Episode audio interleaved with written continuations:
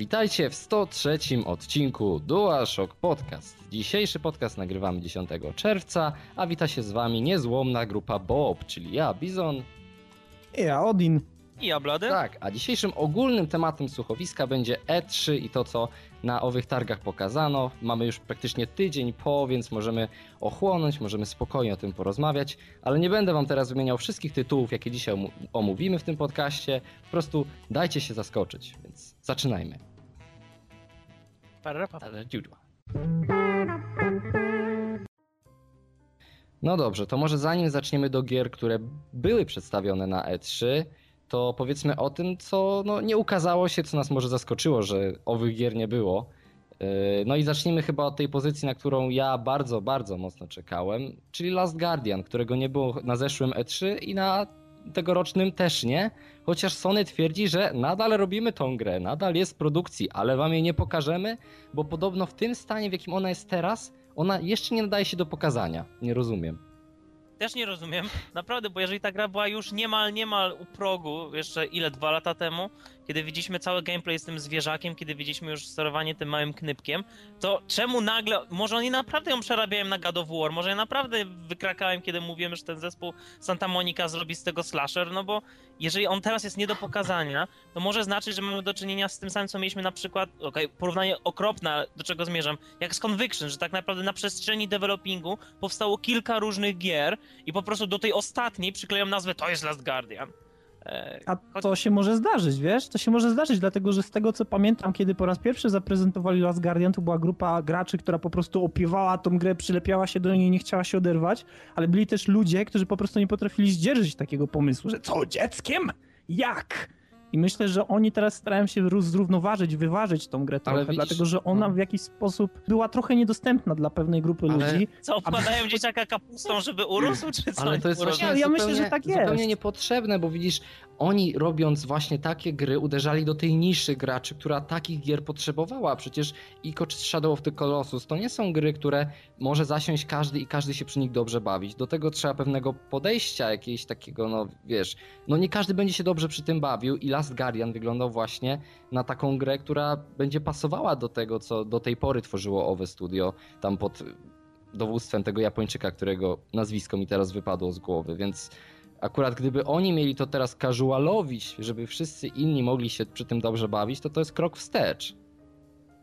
Nie wiem, ja, ja myślę, że być może, jeśli już w ogóle pracują nad jakąś wersją, to myślę, że starają się po prostu uprościć trochę interfejs i też dodać jakieś elementy takich wskazówek graficznych, dlatego że na samym początku ciężko było się zorientować, o co tak naprawdę chodzi. I tylko ci ludzie, którzy mieli kontakt z tymi grami w przeszłości, wiedzieli na czym polega ogólna idea. Mhm. Więc e, jeśli nawet coś robią, to myślę, że starałem się to w jakiś sposób ulepszyć, ułatwić, nie wiem. Mam nadzieję, że nie zrezygnują z tego pomysłu, który do tej pory widzieliśmy, bo on był po prostu ciekawy. Ale ja chyba rozumiem, o czym ty mówisz. Oni byli tym dzieciakiem, zobaczyli ogromnego gryfa i zaczęli szukać miecza, żeby go ubić, nie? To jest chyba pierwsze, co taki typowy gracz chce zrobić. Po prostu ubić dziada. E, sprawdziłem, słowo, imię, którego szukałeś, Bizon, to jest Fumito Ueda. Ueda, tak, właśnie. I teraz ja zaczynam wysnuwać taką teorię, oczywiście nie, bez podstaw jakąkolwiek teorię, w której on został najpierw odsunięty jako ten główny dyrektor, bo ja wiem, on teraz pracuje na zlecenie, już nie jest członkiem mhm. zespołu Team ICO, mimo że jest, on właściwie się składał wyłącznie z Team ICO, kiedy pierwsze ICO powstawało.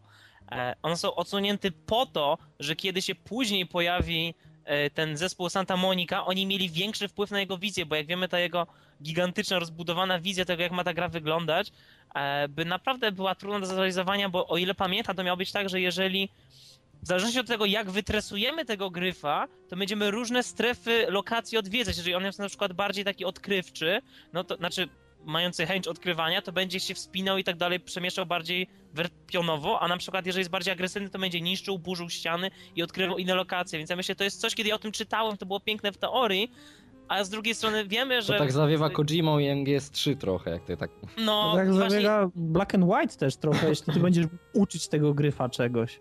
Tak, no właśnie na takiej zasadzie polega, że jeżeli będziemy go bardziej, yy, nie wiem, po, sprawie, żeby unikał zagrożeń, a się rozglądał, to będzie właśnie bardziej taki wytrasowany w stronę szukacza, a w stronę wojownika inaczej, ale dobra, uciekajmy może od tego, tak, bo rzeczywiście mi też Last Guardian bardzo brakowało w tym roku. A czy ktoś się pytał w ogóle o Last Guardian? No bo, tak, tak, ktoś się właśnie pytał. Ktoś się, któraś, któraś, nie wiem, która już teraz yy, witryna się pytała właśnie kogoś z Sony i on odpowiedział, że gra jest, jest tworzona, ale na razie nie jest jeszcze do pokazania, więc... Teraz już wiedzą w ogóle, że ten tytuł jest, bo jak na poprzednim meczu się pytali Last Guardian, co? To nie wiedzieli. Jak? No. Tak. Okej, okay, więc y, druga gra, która ja myślę, że wszyscy z nas na nią czekali, a się nie pojawiła i to było wielkie zaskoczenie, to jest Beyond Good and Evil 2. Dlaczego? Skoro oni już oficjalnie zapowiedzieli, że pracują nadal nad tym, skoro pokazali ten gameplay, który już pokazywali nie wiem jaki czas temu, to teraz przydałoby się, nie wiem, chociażby nawet CGI trailer, pokazanie, że hej, my żyjemy, Beyond Good and Evil się tworzy, nie było nic. No ja tak. To specjalnie Ciężko dla Odina tutaj... zostawię. Tutaj ciężko jest skomentować tą sytuację. No. Na pewno to, co widzieliśmy na samym początku w stylu tego, mm, tych screenów, które były udostępnione do sieci, tego krótkiego filmiku, w jakiś tam sposób zbudowało no nie wiem, czy negatywne wrażenie takie, że odchodzimy trochę od tego, co było w pierwszej części, ale na pewno dało twórcom trochę do myślenia i myślę, że oni po prostu nie są jeszcze na razie na tak zaawansowanym etapie prac, żeby pokazać jakiś trwały, taki mocnie, dobrze zbudowany kawałek gameplayu. Ale nie właśnie to, co Bizon powiedział, że choćby CGI, żeby że pokazać tak pracujemy. Tak, jakoś tak zupełnie o tym zapomnieli. na razie niczego.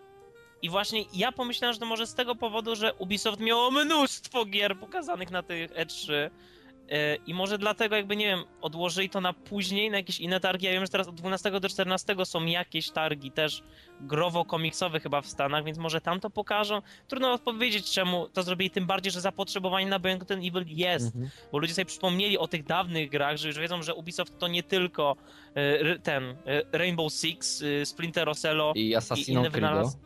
No to o Askraku już w ogóle nie mówię ale jak najbardziej brakowało Bionicode Evil. Tak, i teraz trzecia gra, której brakowało, znaczy ja się spodziewałem, że nie pokażą nam dużo, ale myślałem, że jednak będzie jakaś zmianka, czyli Prey 2, który w tamtym roku pozamiatał trailerem CGI i pierwszymi gameplayami, no ale wiadomo, oni mieli problemy ta gra w ogóle miała już nie wyjść, ale jednak znaleźli fundusze, żeby to dalej sponsorować i oni tworzą to dalej. Mimo wszystko szkoda, że nie wiemy, co się z tym Prejem tak naprawdę wydarzyło, bo ja nie chciałbym, żeby oni teraz robili tą grę na siłę, kiedy już zabrakło im pieniędzy, oni im dołożyli, mówią, dobra, już to skończcie i wypuśćmy to, żeby oni się nie pospieszyli za bardzo, bo no wizja, jaka się rozciągała po ostatnim E3 była piękna na Preya dwójkę.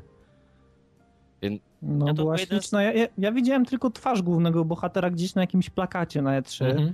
i to właściwie tyle. Więc e, rzeczywiście na, na E3 tym, akurat tym rocznym nie było, tegorocznym nie było nic o, o Preju 2, ale myślę, że bardzo wiele ludzi ogólnie pytało o ten tytuł E, I myślę, że on nie został zapomniany. Oni po prostu mają mnóstwo rzeczy, które muszą w tym Preju zrobić, dlatego że po tym, co widzieliśmy na CGI, to to naprawdę jest ogromnie wysoko postawiona poprzeczka dla deweloperów i dla ludzi, którzy są odpowiedzialni za gameplay. Ta, ta gra jest tak rozbudowana, tak płynna, że ilość pracy, która musi być w nie włożona jest, jest, jest przeogromna, więc ja myślę, że oni też nie chcieli zawieść ludzi, którzy czekają po prostu na jakiś element tego gameplayu, w który można rzeczywiście zagrać, doświadczyć. Ale przecież oni pokazali w końcu gameplay po tym traileru Z3, kiedy ja oglądałem ten trailer, mówiłem, nie, to niemożliwe, tego się nie da zrobić. Oni pokazali trailer z tego, jak już Prey 2 wyglądał, on wyglądał e, rewelacyjnie. To był jeden z niewielu przypadków, kiedy się ten gameplay naprawdę zgadzał z wcześniejszym trailerem CGI. Więc czemu, ale to naprawdę czemu, a czemu nie pokazali czegokolwiek? Ja wiem, że oni właśnie, tak jak Bizon mówi, mieli problemy, bo ta technologia była za droga z parkour, coś w tym stylu. Co z tego? Pokażcie cokolwiek, dajcie znak życia. E, pozostaje nam wiara i właśnie to, że ten hype, który się pojawił wokół rzekomego anulowania projektu sprawił, że oni dostali jakby taki drugi powiew wiatru, dostali nową szansę na dokończenie tej gry, bo jak najbardziej Prey zasługuje, ale przypominam, jedynka powstawała chyba 7 lat, więc jeżeli dwójka wyjdzie na czas jakikolwiek by on nie był ustawiony, to też jest wątpliwe, więc... No. no, więc to tyle z gier, których nie widzieliśmy i przejdźmy już może do tych gier, które były pokazane i które się jakoś odcisnęły na naszych umysłach i chyba takie pierwsze wrażenie, pierwsze tąpnięcie, które było jeszcze przed E3, bo mieliśmy teaser przedtem, to był nowy Tomb Raider. Nowy... Tąpnięcie Tomb Raider, fajnie, tak śmiesznie. Ja nie wiem, dla mnie Tomb Raider teraz już nie jest tak atrakcyjny jak był. Nie rozumiem, z mojej strony, ja nie rozumiem zachwytów, które się pojawiają teraz dalej, bo ja przestaję widzieć w tym grę, na którą ja czekałem, e, na która była mi zapowiadana, bo za mało widzę w tym tego rzeczywistego survivalu i rzeczywistych otwartych lokacji, a za dużo widzę w tym już Uncharted teraz. Uuu, Bizon sypnął. Nie, bo on ma rację, on ma rację, rzeczywiście trochę po tym na przykład co widzieliśmy, jeśli chodzi o gameplay z, ze spadochronem, to rzeczywiście to tak trochę wygląda, że nagle wpadamy do jakiejś lokacji i po prostu się nie zatrzymujemy i to jest domena Uncharted, że, że trafiasz gdzieś, po prostu zaczynasz biegnąć przed siebie i ten gameplay jest tak ładnie skonstruowany, że w momencie, w którym dobiegasz gdzieś, to znowu coś się dzieje i to cię przetransportowuje gdzieś na jakąś inną tak. znowu planszę, gdzie znowu Ale zaczynasz wiesz, ja robić. nie mówię, że to jest zła gra, bo to jak najbardziej wygląda świetnie, tylko to nie jest to, na co ja czekałem, kiedy wyszły te pierwsze zapowiedzi, które tam. Ale to i tak jest lepsze od tego, co do tej pory miałeś. Tak, no tak, tak. Ja nie mówię, że to jest zła gra, tylko po prostu no, moje oczekiwania w stosunku co do tego, jak ta gra powinna wyglądać, to trochę no, zmalały. Tym bardziej, że no, jak widzę, jak ta Lara napina ten łuk i strzela z tego łuku tak centralnie headshoty i, i nie, no troszkę Troszkę nie tak. Znaczy, ja bym ja chciał więcej doktrynę... realizmu i tym, i tym bardziej jak już miał być ten realizm, to jak ja widzę, jak ona leci na tym spadochronie, jak ona wali w te gałęzie, później spada z tych drzew, a później wstaje, podnosi się i idzie dalej. O nie wiem, nie wiem. Jakoś. Znaczy ja myślę, że w... mam taką doktrynę, jak gram w Uncharted i nie śmiejcie się, ja ustawiam poziom trudności na very easy że przeciwnicy padali do jednego strzału, bo w tej grze, tak jak mówił Odin, chodzi o to, żeby biec, żeby się odtwarzały same te scenki, żeby mi nic nie przeszkadzało, bo ja uważam, że nic bardziej nie psuje gameplayu w grach, niż chowanie się za ścianą i czekanie na respawn wrogów w tym stylu, więc ja uważam, mm -hmm. że mhm. Uncharted trzeba grać na very easy, żeby mieć, jak w filmach akcji, tak, biec środkiem jak Indiana Jones i zabijać wszystkich jednym strzałem. Ale kiedy patrzyłem na filmiki z Tomb Raider, rzeczywiście miałem to samo wrażenie, co Bizon pod tym względem, że jej za łatwo idzie to mordowanie. Że kiedy ona zaczęła w ogóle wyciągać ten shotgun tak szybciutko, to ja pomyślałem, no nie no, albo shotgun masz kobietę, albo masz łuk. E, ale też weźmy pod uwagę, na E3 e zawsze się pokazuje gry na najniższym poziomie trudności, w sekcjach wyćwiczonych do niemożliwości przez tych y, operatorów, nazwijmy. I też pokazuje się sekcje najbardziej filmowe, najbardziej sprzedające gry. Więc myślę, że polowanie czy chodzenie pomiędzy lokacjami by nie było takie ciekawe, to jest niestety raz to, że Lara za wiele znosi, też to miałem wrażenie. Właśnie, jeżeli ktoś nie wie, jak bardzo można miotać swoim głównym bohaterem, niech odpali Uncharted 3. Tam co 3 sekundy e, Drake uderza w coś głową, przełamuje jakieś bariery, z głową miarzy ściany i żyje dalej. E, I miałem to samo uczucie, że jak ona się przebijała przez te drzewa, to jest za dużo, ale z drugiej strony nie, ja to jeszcze kupuję. Więc... Ja też. Ja, ja nie mam nic przeciwko takiej grze, dlatego że ona mi się po prostu strasznie podoba. I ogólnie, jeśli patrzę teraz na to, jak wygląda Tomb Raider w stosunku do tego, jak wyglądał kiedyś, to dla mnie ta gra jest po prostu obojętnie, jak bardzo byłaby podobna do Uncharted, ja takiej gry potrzebuję. Szczególnie, że ostatnio dowiedzieliśmy się, że to jednak będzie open world w jakimś stopniu. E, po gameplayach wygląda tak, jakby nie był, ale ponoć będzie, więc więc dla mnie naprawdę to jest must buy w tym momencie i potrzebuję tej gry bardzo. Znaczy, szczególnie, ja myślę... że Szczególnie, ja... że robi mi się przykro, jak ja widzę, jak Lara obrywa. I naprawdę, to jest takie, ja cię przydulę, ja już to zaopiekuję. To jest, wiesz, to jest tak, Jezu, biedna Lara, ona tak obrywa i po prostu chcesz grać tą postacią, chcesz się wykaraskać z tych kłopotów i chcesz w końcu zdobyć to, co musisz zdobyć, wiesz, musisz, nie wiem, uciec z tej wyspy, chcesz to zrobić, w końcu masz motywację. Bo znaczy, właśnie ciągle jest brak, brak wiedzy o tym, co my będziemy robić do końca na tej wyspie, bo oczywiście zaraz się pojawi jakiś wątek przetrwania, a jeżeli się pojawi wątek supernaturalny, to już w ogóle się zdenerwuje. Znaczy on na pewno się pojawi, musi być, bo to jest Tomb, Tomb, Tomb Raider, więc musi się pojawić w końcu wątek jakiś supernaturalny. Oby on nie był przesadzony, oby Lara nie była zbyt przekokszona, oby dało się ustawić very hard w odróżnieniu do very easy na Uncharted, e, żeby była pewna swobodność w poruszaniu się po lokacjach, żeby to nie były same skryty, żeby to nie był tylko Uncharted z cyckami, jak niektórzy nazywają, ale jeżeli nawet to będzie tylko przygoda Lary w górach, bo tak można nazwać tę grę, to też będzie dobra gra, będzie o niebo lepsze od wszystkiego, co do tej pory mieliśmy w serii. Jest to świetny nowy start, gra wygląda naprawdę fajnie. Myślę, Bizon, że powinieneś dać taką odrobinkę zaufania e, naszej nowo pokazanej pannie Ko. Dobrze, okej. Okay. Yes. Daj odrobinkę, ale tylko odrobinkę zaufania.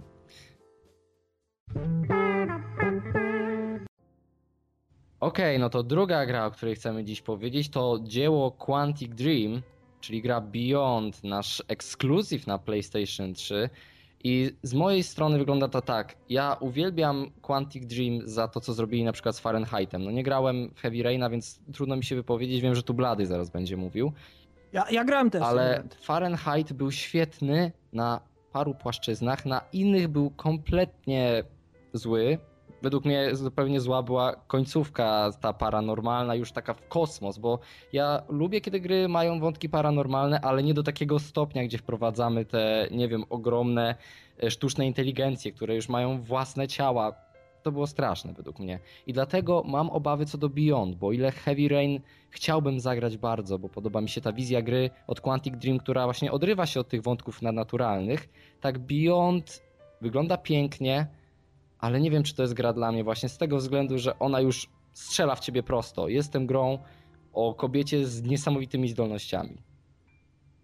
To jest, czyli podpiąłeś się do mojej myśli, którą prezentowałem w czasie na propos, a propos Beyond, pisanego przez trzy. Myślałem, że już wy, wydoroś, wyrośliśmy z pisania tytułów w jakiś dziwny sposób z Forever i tak dalej, ale no dobra. Beyond rzeczywiście też mi przeszkadza ten wątek paranormalny, bo to do tej pory nie wychodziło Quantic Dream. Oni e, naprawdę się zatrzęśli, kiedy Jaden pierwszy raz wyciągnął okulary wirtualnej rzeczywistości w, e, w Heavy Rain, ale mimo wszystko gra zachowała pozory bycia naprawdę realistyczną, osadzoną, ugruntowaną w takim zrozumiałym przez nas świecie. E, I chyba dlatego była taka fajna, bo te postacie przez to były takie bardziej nasze, my naprawdę się o nie martwiliśmy. A kiedy ja widzę kobietę, która ma aż tak wiele nadprzyrodzonych zdolności, się zaczynam pytać, czy mi naprawdę na nie zależy i czy te wybory, które ja podejmuję, naprawdę będą miały wpływ na to, co się z nią dzieje. Bo e, kiedy czytałem opinie recenzentów z tak zwanego mm, hands-off demo, kiedy im pokazywano, jak ktoś gra na zapleczu, jakiś redaktor Destructed opisywał, to te decyzje w czasie sceny się ograniczały do wysać prawy samochód albo lewy, ale ona i tak ucieknie, czyli tak jak było z Heavy Rain przez większość czasu. Jakby mm, pamiętam jak David Cage, tak się nazywa tak, twórca? Tak, no. On powiedział, że on by chciał, żeby każdy przyszedł Fahrenheit, żeby każdy przyszedł Heavy Rain tylko raz. I ludzie wtedy zrobili tak, jak to tylko raz że przejść grę? On mówił tak, bo to jest filmowe przeżycie, które będzie zindywidualizowane dla każdego i tak dalej. Czemu? Bo się okazało, że wiele sekcji w grze tylko udawało, że ma jakiś pozór yy, możliwości. Koniec końców wszystko się sprowadzało do, do takich punktów, których nie mogłeś oblać, gdzie nie mogłeś zepsuć. I to było źle. Ale kiedy patrzę na Beyond, tym bardziej nie mogę uwierzyć, że moje decyzje będą aż tak bardzo przeszkadzały tej bohaterce, która ma tyle zdolności. Ona przejmuje ciała. Przejmowanie ciała, kiedy naciskasz L3, nie jest ciekawe, kiedy tak się o tym mówi. Bo to jest po prostu, aha, masz, masz zdolności. Odpalmy je wszystkie naraz. I nie wiem, do czego ja zmierzam teraz tej opinii, bo Beyond. ja wiem, że to będzie świetny film interaktywny, ale co, po co? Czemu w takim razie robić z tego grę, jeżeli to i tak będzie film? Czemu robić z tego grę, jeżeli nie można by z tego zrobić animacji, bo oczy i w ogóle mimika twarzy, no jak zwykle w przypadku Quantic, oni są e, o wiele lepsi od konkurencji, ale czy to jest uzasadnione, żeby robić z tego osobną grę? Nie wiem. Ja myślę, że to jest właśnie ten problem, o którym wspomniałeś, że zwykle gry, które dotykają takiego tematu jak zjawiska paranormalne, nie wychodzą, dlatego że popadają w przesady, albo robią się po prostu śmieszne. No tak. I ciężko jest traktować je poważnie, dlatego że tak jak na przykład mówił Bizon we wstępie, Fahrenheit jest dobrą grą, ale do połowy. Potem zaczyna się sypać na łeb, na szyję, dlatego że po prostu pojawiają się sytuacje, które są śmieszne, kiedy nasza postać zaczyna biegać po ścianach, kiedy okazuje się, że tak naprawdę jest martwa, ale żyje. I, I tak martwa dalej, i tak uprawia dalej. seks. Tak, martwa uprawia seks jest w stanie doprowadzić do tego, że kobieta, z którą ten seks uprawia, po prostu zachodzi w ciążę, tak czy inaczej. Tym bardziej czym, jeżeli on nie ma krążenia krwi. Nieważne, wampiryzm.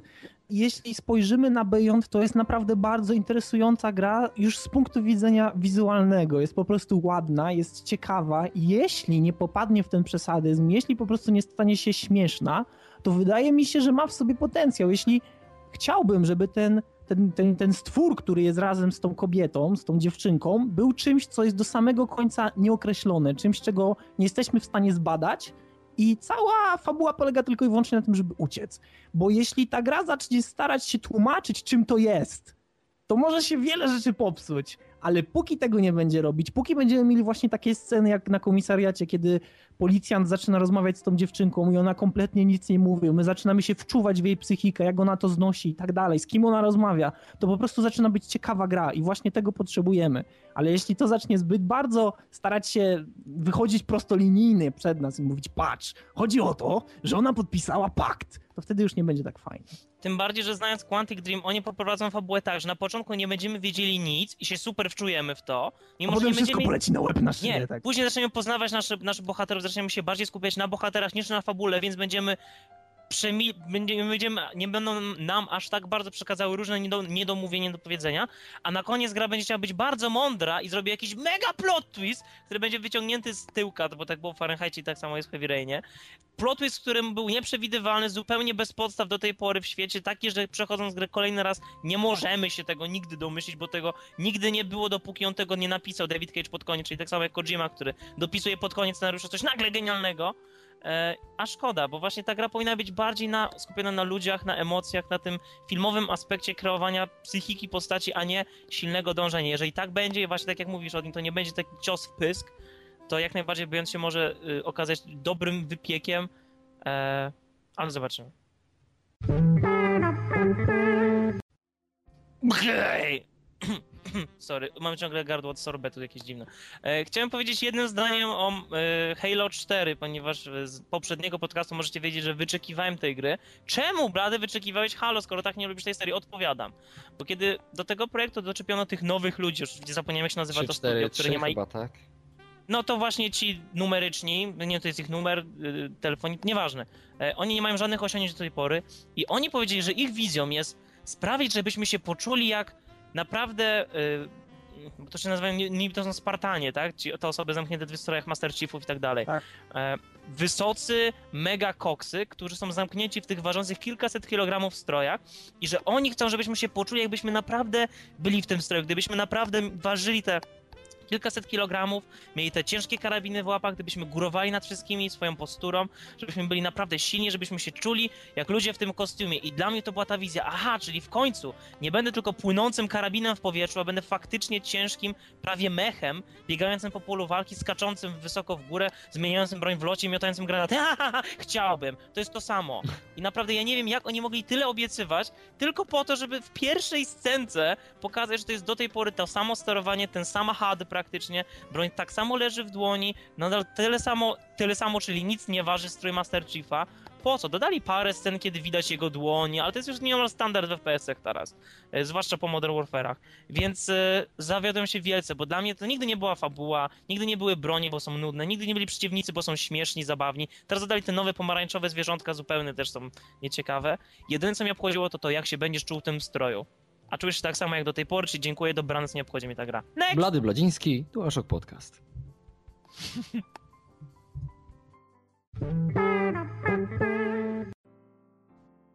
Okay, więc przechodzimy do tematu głównego, nie, nie tematu głównego, ale na pewno jednego z najbardziej ważnych dla mnie, oprócz na pewno Splinter Cell z Hitmana, innymi słowy Far Cry 3. Far Cry 3 prezentuje nam zupełnie nowy gameplay, który nazwany jest voodoo sexem. Czemu wodoseksem? Otóż okazuje się, że Ubisoft ma na tyle duże i owłosione jajca, że jest w stanie pokazać piersi kobiety na E3 i nikt na nich nie krzyczy i nie ma żadnych kampanii w stylu usuńcie ten filmik z internetu. O co chodzi? Otóż okazuje się, że nasz bohater znajduje jakąś grupę ludzi, którzy są przeciwko Wasowi i jednym z przywódców tych ludzi jest piękna hmm, tu nie wiem jak to powiedzieć, piękna kobieta, o może w ten sposób, z piersiami na wierzchu. Tak!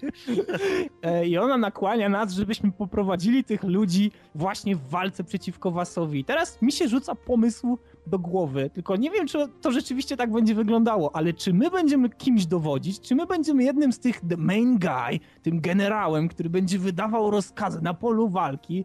Ja nie wiem, czy wy zauważyliście, jak dużo Far Cry zaczyna wprowadzać w ogóle w gameplay ja myślę, że Ubisoft o wiele więcej by zyskał, gdyby nie pokazywał nic, mhm. gdyby pierwsze recenzje się mhm. pokazywały, posypały ogólnie w momencie premiery i zaczęły mówić, mój Boże, scena z muchomorami, scena w jaskiniach, scena w płonącym budynku. Domu. Tam jest tyle rzeczy. Ta gra wygląda tak dobrze, że to po prostu jest... Ale to jest fajne, że Ubisoft robi bardzo dobrą rzecz z przeniesieniem do Far Cry'a trzeciego rzeczy, które niby do niego nie pasują tak ogólnie, bo patrząc na Far Cry'a drugiego, czyli yy, jeżdżenie po pustyni, Far Drive. Far Drive, tak? Nagle Far Cry 3 Fart Drive. dalej ma yy, ten duży świat, dalej mamy otwartą przestrzeń, po której możemy się poruszać, ale między to wplecione są właśnie te uskryptowane rzeczy, które tylko dodają klimatu, ale które nie powinny nas rozkojarzać na tyle, żebyśmy powiedzieli, no nie, to jest tylko skryptowana gra, kolejne Call of Duty albo coś. Ale Bizon piękne są te pierwsze. Znaczy, trochę to ja teraz wyprowadzę się z tego zauroczenia, bo ewidentnie Odin jest pod wpływem jakiejś magii Woodu teraz. E, I powiem, że faktycznie oni pokazują za dużo i będzie później to samo, że jeżeli to są sceny oskryptowane i dotrzemy do nich w grze, to gdzie suspend, skoro ja już to kiedyś ale widziałem? Ale oni pewnie mają jeszcze tego dużo w zanadrzu, przynajmniej ja, ja na to liczę. liczę na tak. to, nie? No ale to licz, liczę, ale to nadal Ubisoft, nie? Ja na Assassin's Creed 2 też liczyłem. E, fakt jest taki, jeżeli ta gra będzie miała za dużo komponentów, to też niedobrze, bo ja wolę mieć parę dopracowanych niż multum wrzuconych bez ładu i składu. Jeżeli ta gra byłaby tylko chodzeniem po wyspie i machaniem maczetą, ja pewnie też bym to chciał, ale jeżeli oni faktycznie dodadzą te kolejne elementy, jak najbardziej jestem za. Tylko ilość frakcji oni potwierdzili, czy to będzie tylko jedna walcząca z Wasem? Bo też było nie, powiedziane, że Was nie jest jedynym złym. Bo było powiedziane, że Was nie jest jedynym złym, więc jeżeli na przykład będzie tak, że na każdego złego przypada parę tych frakcji, no to Jezus Chrystus, jaka ta gra będzie rozbudowana w dzisiejszych czasach, długa gra. Ale Myślałem, wiesz, czego się boję, Bady? Dlatego, że nie wiem, czy wiesz, jak w dwójce to wyglądało, ale w dwójce fabuła rozbijała się o to, już byłeś, byłeś zakontraktowany na zabójstwo arms dealer, czyli gościa, no, który... No oczywiście, że pamiętam, że tę całą dwójkę było jedną z najgorszych gier, jakie kiedykolwiek grałem. Zamek po złej Właśnie stronie. problem polegał na tym, że główny zły, w cudzysłowie, on okazuje się w jakimś momencie twoim przyjacielem i zaczyna mhm. ci pomagać. I nie wiem, czy tak samo będzie w trójce. Chciałbym, żeby tak nie było, ale to zagęszczenie fabuły i to, jak wiele rzeczy w Far Cry'u trzecim się zmienia, sugeruje mi, że w pewnym momencie może wyniknąć taka rywalizacja między tymi bohaterami, jak mniej więcej między Batmanem a Jokerem, że jeden drugiego nie jest w stanie zabić do końca. Dlatego, a może będzie tak, że a was, więc cały czas byłeś dobry, a ci tubylcy, którzy pomagają tak naprawdę, oni Tak, ci ludzie, organami. których zabijałeś i spalałeś w rowach, oni byli źli. Nie, wiesz, po prostu martwię się, żeby po prostu trójka nie zrobiła czegoś takiego, jak zrobiła dwójka właśnie, że my przez ten cały czas staramy się z tym szakalem rozprawić, a w pewnym momencie nagle gra nam mówi, nie, wiesz, tak naprawdę widzisz, jest zupełnie inaczej. Yy, wiem o co ci chodzi i też mam nadzieję, że fabuła nie będzie tak na siłę wrzucona nam w twarz po prostu, bo to, co się zapowiada, zapowiada się naprawdę fajnie, yy, ale czy tylko ja dostawałem choroby lokomocyjne w czasie niektórych tych scenek, kiedy on się rozgląda na boki, bo na przykład w czasie płonącego domu, on się rozgląda tak szybko, że mi się robi o, o, oczywiście i oficjalnie niedobrze, jak ja na to patrzę, bo on tak szybko zmieniał tą orientację głowy. No bo wszystko się pali, no i nie ma no, czasu wiesz, się rozglądać tak, powoli. To szybkie ruchy na boki, gdzie to jest to, gdzie jest tamto. Akurat to chyba miało być takie działające na klimat, nie, że jesteś zdenerwowany. Ja ci powiem, Blady, tylko tyle, że jeśli chodzi o filmiki z Black Ops 2, nie wiem czy zauważyłeś, ale postać na jednym filmiku robi 360, tak. jak się obraca za siebie i przed siebie z powrotem. Tak. tak, więc wiesz... No to dobrze, że się nie obraca w 360 stopni. E, e, e, no i dobra, no i to chyba jest dobre podsumowanie. Czy coś jeszcze chcemy powiedzieć na temat trzeciego Far Cry'a? Cycki. Że był na E3. Ale to jest. Ale właśnie płymy się, bo trzecie części coś nie wychodzą ostatnimi czasy. Myślałem, Ale ja chciałem jeszcze tak... wrócić do tematu Far Cry i powiedzieć, że gra wygląda ładnie. Tak. Mhm.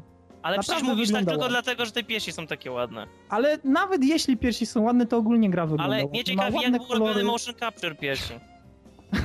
Ale widzisz, bo w dwójce zwykle były te pastelowe kolory takiej słomy, a tutaj mamy naprawdę całe multum różnych kolorów i to mnie I też bardzo cieszy, kolorów. że Far Cry w końcu nie będzie nudny. No. Okej, okay, no to pierwszą grę Ubisoftu z dziś mamy już skreśloną, przechodzimy do drugiej. Dobrze, tak więc druga gra, jaką pokazał nam Ubisoft na swojej konferencji, to był no, wyczekiwany przez wielu, w tym również przez nas, najnowszy Splinter Cell o podtytule Blacklist. I to miał być Splinter Cell, który miał powrócić do korzeni podobno, który miał jakby zasięgnąć to tego, co było takie wspaniałe chociażby w Chaos Theory, a koniec końców dostaliśmy sequel Conviction, naprawdę. I jeszcze do tego widzimy usprawniony system strzelania za osłon, który sprawia, że grę można przejść w stylu Gears of War. I teraz twórcy mówią, że nie, nie, nie, wy tak tylko to widzicie, ale tak naprawdę tą grę można przejść albo w trybie stealth, albo w trybie action. Tylko, że według mnie tryb action to jest dla nich właśnie to strzelanie za osłon, a tryb stealth to jest strzelanie za osłon, ale to szybkie, tak że nikt cię nie widzi. Bo ja mhm, nie widzę. To jest ten action tak, stealth. to jest ten action stealth, bo tak prawdziwego stealth, tego gdzie my wisieliśmy na rurze i czekaliśmy minutę, aż ten strażnik zejdzie i my na niego spadliśmy, to był ten nasz triumf, że nikt nas nie słyszał. I widzisz, tu się pojawia kluczowe słowo czekaliśmy. Teraz nie może nie, czekać, bo nie czeka. Ubisoft myśli, Ubisoft myśli, że jeżeli ktoś musiałby czekać minutę, to by się zejsrał przy grze i by ją wyłączył od razu. E, I ogólnie, kiedy oni mówią powrót do korzeni, no tak, ma noktowizor znowu. Już. Nie, ale to nie jest noktowizor, bo to też są te sonar gogle, które miał przecież sam. Tak? A nie, faktycznie, on widzi dalej przez tak, ściany, więc... Tak, i... E, ale ogólnie tak, podsumujmy parę rzeczy, bo ja chciałem tak uporządkować. No. Conviction musiał wyjść, bo fabuła e, sama Fischera była zawieszona w powietrzu po Double Agent, tak? On musiał tak. wyjść. Ale Conviction, jaki by nie był gameplayowo, fabularnie, podsumował ładnie całą rundkę, mimo że sam Fischer odmłodniał chwilę, e, odrobinkę, to nadal wszystko się rozwiązało, rozwiązał się trzeci echelon, odzyskał córkę, wszystko jest fajnie, spokojnie, wszyscy sobie żyją w harmonii i pokoju. Mm. Jeżeli sam Fisher założył teraz ten czwarty echelon, jeżeli sam Fisher teraz w grze jest szybki, zwinny, wspina się jak Ezio, editorem myje ręce, jeżeli sam Fisher teraz łamie karki, w sprincie strzela trzy headshoty, jeżeli sam Fisher teraz ma nowy głos, nowego aktora, ma nową, młodszą twarz, to czemu to nie mógł być nowy agent i sam Fisher byłby w roli mentora? Tak tylko głos Ironside'a jako mentor. Skoro on założył nowy teraz Echelon, to byłoby genialne właśnie zamiast tych Grimm's Daughter i innym na radiu miał być sama Fisher i on by ci mówił o tych wszystkich swoich The Old Days, a ty byś działał właśnie jako ten nowy Fish, jako nowy, nie wiem, nazwijmy go Mark Active, bo on tak skacze. Mark Panther. Active, nie, Active. I Active by biegał, strzelał w locie i tak dalej. I to by, ja bym to naprawdę mhm. akceptował. Tak. Naprawdę, bo dla mnie nie, sam Fisher, ja nie muszę mieć sama Fishera w Splinter Cellu w roli głównej, żeby to był dla mnie Splinter Cell, bo tak? ta gra nie, nie nazywa każdej... się sam Fisher, tylko ta gra nazywa się Splinter Cell, a dlaczego by nie Nawet nie w każdej Zeldzie była Zelda, a mimo to to były dobre gry, więc tak samo nie musi być w roli głównej sam Fisher, żebym ja docenił tę grę. A skradanie się w środku dnia na pewno nie wyjdzie, tu jest za jasno w tej grze, żeby to skradanie wyszło. Ja wiem, że można się chować za ściankę, ale to chyba oni zapomnieli, czym jest stealth. Odin, powiedz coś, bo ja wiem, że ty jesteś załamany, ale... Nie, bo on jest zły, bo ja mu powiedziałem wszystko, co widziałem. No tak, też, ale e, jeśli chodzi o Splinter Cell, ogólnie fabuła jest dziwna, dlatego że tak naprawdę chodzi o to, że jakaś, jakaś, jak, jak ktoś ma listę 25 kogoś i mając tą listę, jeśli ktoś czegoś tam nie da, to wtedy oni wysyłają jakieś pociski, więc tak naprawdę my chcemy to powstrzymać i ja tak czuję się jakbym był tak w środku czegoś i starał się łapać jakieś wątki, je tak ścisnąć do kupy w stylu działajcie! Bo już sama fabuła jest po prostu kiepska. Work naprawdę. Oni to mówili na E3 tak jakby to było naprawdę coś, coś świetnego, ale to, to jest tak poklejone, tak jakby ktoś siedział z plastrem i tak wyrywał po prostu kawałki gazet i tak, tutaj, tak, to będzie pasowało, wyrywasz kolejny kawałek, nie, nie, tak, tutaj, to dołożę. Ja chyba wiem, jak sam... oni napisali ten scenariusz. Oni wzięli świetną książkę Toma Clancy'ego, drugą, trzecią, włożyli je do strzelby i strzelili w ścianę, podnieśli te kawałki, które się przykleiły i z tego zmontowali tą grę. Ale we tak. mnie uderzyło od e- razu w to samo, co, o czym powiedział Blady, czyli skoro mamy już nowego aktora, i w ogóle sam wygląda coraz młodziej. Oni zrobili to, że on chociaż miał siwe włosy takie w Conviction, to teraz nie, on jest zupełnie młody. Ja myślałem, że właśnie o to ma chodzi. Siwe, ma siwe włosy, ma siwe włosy, tylko właśnie problem Trzy. polega na... Problem polega na tym, że ogólnie gameplay się kupy nie trzyma. Naprawdę, nie trzyma się kupy i to, o czym powiedzieliście, nowy aktor. Przecież tego się nie da racjonalnie wytłumaczyć. Ja widziałem wywiady z Ironside'em, który na samym początku mówił, że kiedy po raz pierwszy przedstawiono mu Splinter Cell, to on powiedział, że ta fabuła jest zbyt płytka, jest po prostu śmieszna i on musi ją zmienić. I co zrobił? I rzeczywiście starał się w nią włożyć jak najwięcej, tylko mógł, żeby przynajmniej wiało mm. trochę poważnym klimatem. Tutaj Ironside'a nie ma. Już widać, że fabuła na tym cierpi, tak jakby ten człowiek był odpowiedzialny za zlepienie tego wszystkiego w jakąś normalną całość. Więc tego już nie ma. Nie ma ikony tej gry, nie ma ikony tej serii, czyli jego wspaniałego głosu, który budował klimat i był w stanie naprawdę zdruzgotać twoje bębenki, kiedy on mówił let's talk more i ściskał komuś kark. Ty mówiłeś sobie, tak, to jest właśnie to, co ja bym chciał robić, gdybym był takim agentem. A teraz mamy jakiegoś po prostu 30-letniego informatyka, który mówi coś w stylu Hitman I never left i ty kompletnie się w tym nie odnajdujesz, a poza tym to, o czym powiedzieliście, wspinanie, to wszystko jest zbyt płynne.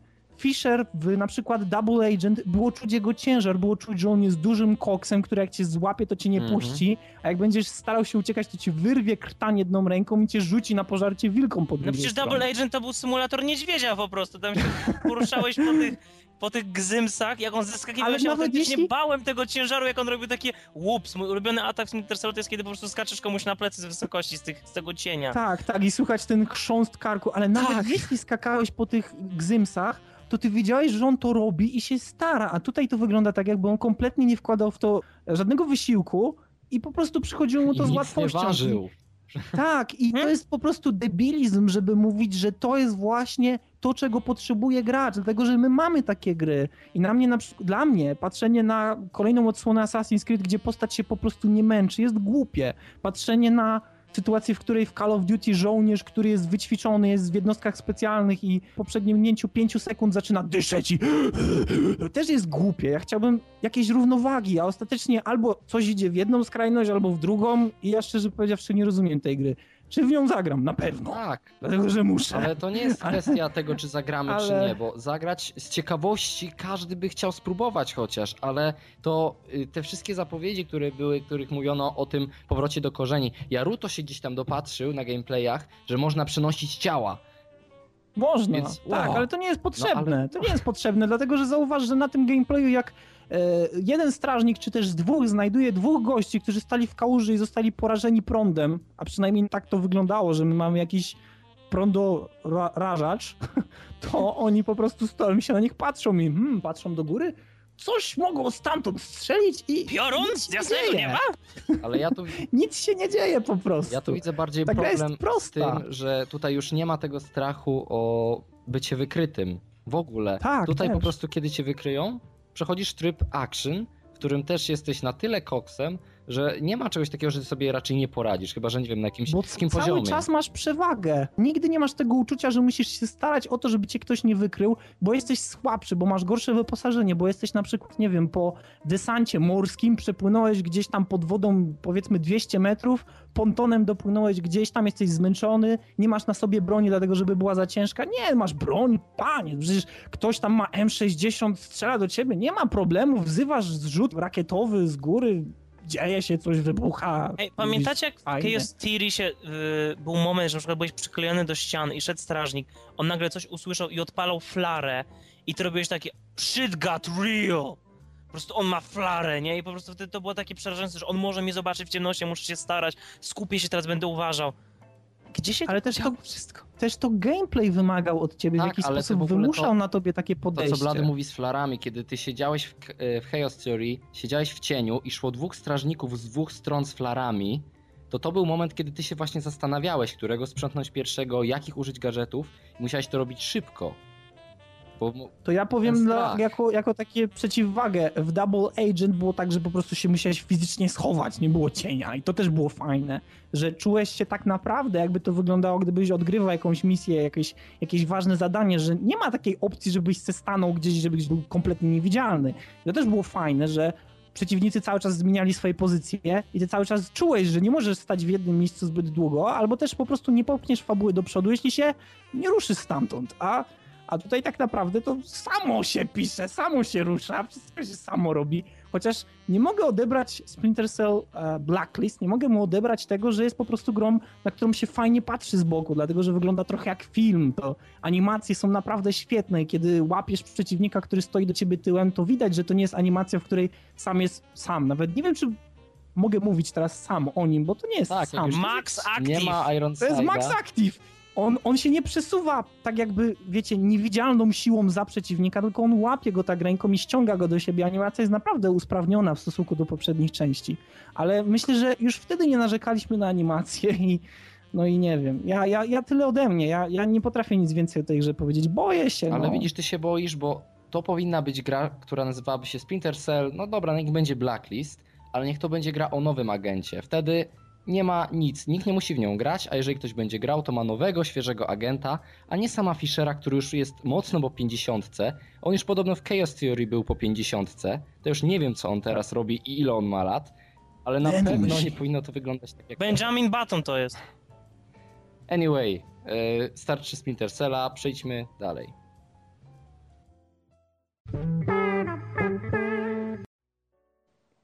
Okej, okay, a propos cichych morderców, to pojawiły się filmiki z Hitman Absolution, filmiki, które miały nas uspokoić, ponieważ w końcu pokazano filmik z tego, o czym zawsze powinien być Hitman.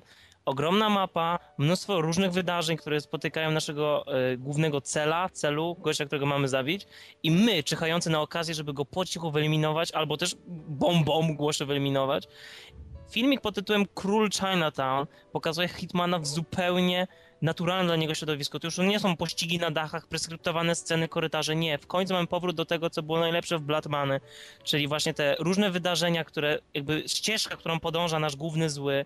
E, nasz Hitman, który może zdobyć stroje różnych postaci, wkleić się w różne role, e, może wykorzystać różne elementy otoczenia. To jest właśnie to, na co czekałem. Nie jest do końca to gra, na którą czekałem, ale to jest filmik, który dopiero e, pokazuje, o co może chodzić w tym powrocie. Więc e, jak wy odebraliście ten. Chyba to jest. Tak naprawdę to jest pierwszy prawdziwy filmik z Hitmana do tej pory. Mhm. Jak y, ja na to patrzę, to mi się przypomina misja z pierwszego Hitmana, ta pierwsza jakby pra, prawowita misja Hitmana, której trzeba było wejść tylko na dach i za, zabić jednego gościa i uciec. To była misja z pierwszego Hitmana, ona później pojawiła się też w Contracts.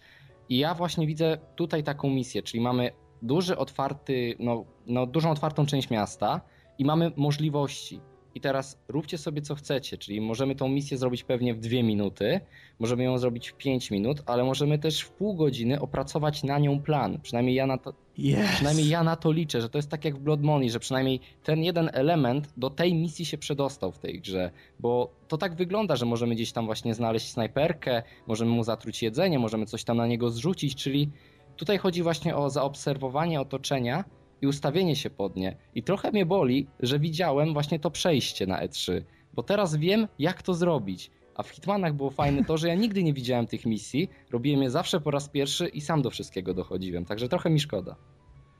Oj, no ale widzisz, to jest właśnie to, że jeśli chcesz coś powiedzieć o Hitmanie, no to musisz obejrzeć chociażby urywek z tego gameplaya, a, a gameplay prezentuje się naprawdę bardzo dobrze i rzeczywiście to jest pierwsza odsłona Hitmana, kiedy Hitman jest w swoim naturalnym środowisku, czyli rzeczywiście możemy wykonać tą misję tak jak chcemy. I liczę na, na, dokładnie to samo, co powiedział Bizon, czyli że będę mógł kombinować, będę mógł się przebierać, będę mógł organizować sobie jakieś drogie ucieczki. To jest przecież to, czym my żyjemy jako fani Hitmana. To jest to, to jest to, czym sławiły się nasze let's playe, czyli właśnie ta dowolność, wybór tej drogi, jaką, jaką chcemy osiągnąć cel główny, czyli wykonać nasze zadanie. I to jest właśnie piękne, jest w Hitmanie, ale pomijając już to, że jest, dlatego że chyba wszyscy w jakiś sposób wiedzieliśmy, że to będzie. E, to na pewno trzeba powiedzieć o tym, że Hitman wygląda po prostu fajnie, ładnie, ślicznie, dlatego że są kolory. To jest coś naprawdę na co czekałem w tej odsłonie Hitmana, dlatego że jesteśmy w takim Chinatown, które naprawdę żyje. Jest mnóstwo ludzi, ludzie wyglądają jak ludzie, zachowują się można powiedzieć trochę, trochę tak naturalnie, dlatego że nie chodzą od punktu A do punktu B, jak to było w Blood Money, tylko po prostu poruszają się trochę bardziej płynnie, ktoś podbiega do innej osoby, macha ręką albo rozmawia przez telefon komórkowy. Fajnie, bo po prostu stwarza to wrażenie takiego realizmu dość silnego, ale to o czym powiedziałem wcześniej, kolory, w końcu pojawiają się jakieś billboardy, jakieś lampy, które, które rzucają światło, kolorowe, inne jak białe albo niebieskie. Przecież jest. W końcu czuję, że żyję, że jestem w świecie, który mógłby rzeczywiście istnieć i to tylko i wyłącznie wpływa na imersję. To ja wam jeszcze tylko powiem, bo nie wiem, czy widzieliście ten wywiad, co ja, w którym twórcy zapewniali, że nie tylko będzie taka misja, że będą takie misje jak właśnie ta z Królem Chinatown, ale również, tak jak kiedyś było, będzie zachęta do tego, żeby misje powtarzać, bo będzie system wewnątrz growych achievementów do wykonania, także pewne, pewne sposoby wykonania zadania będą zupełnie niedostępne przy pierwszym przejściu i właśnie będą chcieli zachęcać graczy do przechodzenia ponownie, ponownie na wyższe oceny, na ja coraz lepsze możliwości. Let's play. No przecież to się. Ja tutaj od razu widzę let's play, nie? Po prostu to aż się samo pisze. Bo właśnie Dokładnie. będą w miarę od, odblokowywania nowych właśnie tych achievementów będą jakieś tam nagrody, gratyfikacje za to, że się cofamy do tych misji raz ukończonych, bo właśnie tego się bałem, że to będzie hitman, w którym będziemy biec i e, nie wiem, będziemy mieli może trzy savey z poprzednich misji, tak? I będziemy do nich wracać do niemożliwości. A to będzie faktycznie system powtarzania misji do upadłego. E, jeszcze coś a propos sprowadzenia troszkę na ziemię, czy tylko ja mam wrażenie, że zupełnie, ale to zupełnie nie pasuje ten lektor tego, e, kto nam zleca zadanie, że to jest człowiek, który tak bardzo się stara być śmieszny, że ja nie wierzę w ten świat przez niego, bo to jest Okay, 47, I think you are going to kill the king of the Chinatown. Ale to jest właśnie to, nie wiem czy zauważyłeś, że większość gier na E3 cierpi na to, że nowi lektorzy, czy też nowi aktorzy głosowi po prostu nie wyrabiają się. Brzmią Ale nie mówię, głupio. nie, bo to nie mówię o nowym agencie, tylko o tym gościu, któremu zleca zadanie. Bo tak samo wiemy od Ale tego nowy agent aktora... też brzmi źle. Ale od tego, no on też brzmi źle. Od tego aktora, który gra głównego złego w Absolution, wiemy, że on się sam starał przerysować tę jego postać. Ale ja myślę, że dlatego, że cała gra będzie przerysowana w imię na przykład tych patrzenia przez ścianę i zabijania policjantów, jak to było do tej pory pokazane. Ale tutaj nagle się pojawia faktycznie scena jak z tych starych, dobrych Hitmanów. I to jest jedna z pierwszych misji, która już teraz wygląda jak stary, dobry Hitman. I ja zadaję sobie pytanie, to czemu teraz to ma być przerysowane, tak? Czy oni wiedzą, co robią z tą grą do końca? E, fabuła nigdy nie była najsilniejszą stroną serii. Mamy nadzieję, że właśnie teraz ten gameplay naprawi. Widzieliśmy ten filmik, mamy różne spostrzeżenia. E, czekamy, znaczy, z jednej strony czekamy na kolejne, a z drugiej strony, tak jak powiedział Bizon, oby nam zbyt wiele opcji nie zdradzili. E, Hitman, może nie jesteś tym samym Hitmanem, który opuścił rodzinny dom parę lat temu, zmieniłeś się podczas swoich podróży, ale cieszymy się, że wróciłeś. Nosisz dres i kaszkiet, jest dobrze. Jak można nosić teraz? No przecież na gameplayu zasuwam Nie dres i widziałem.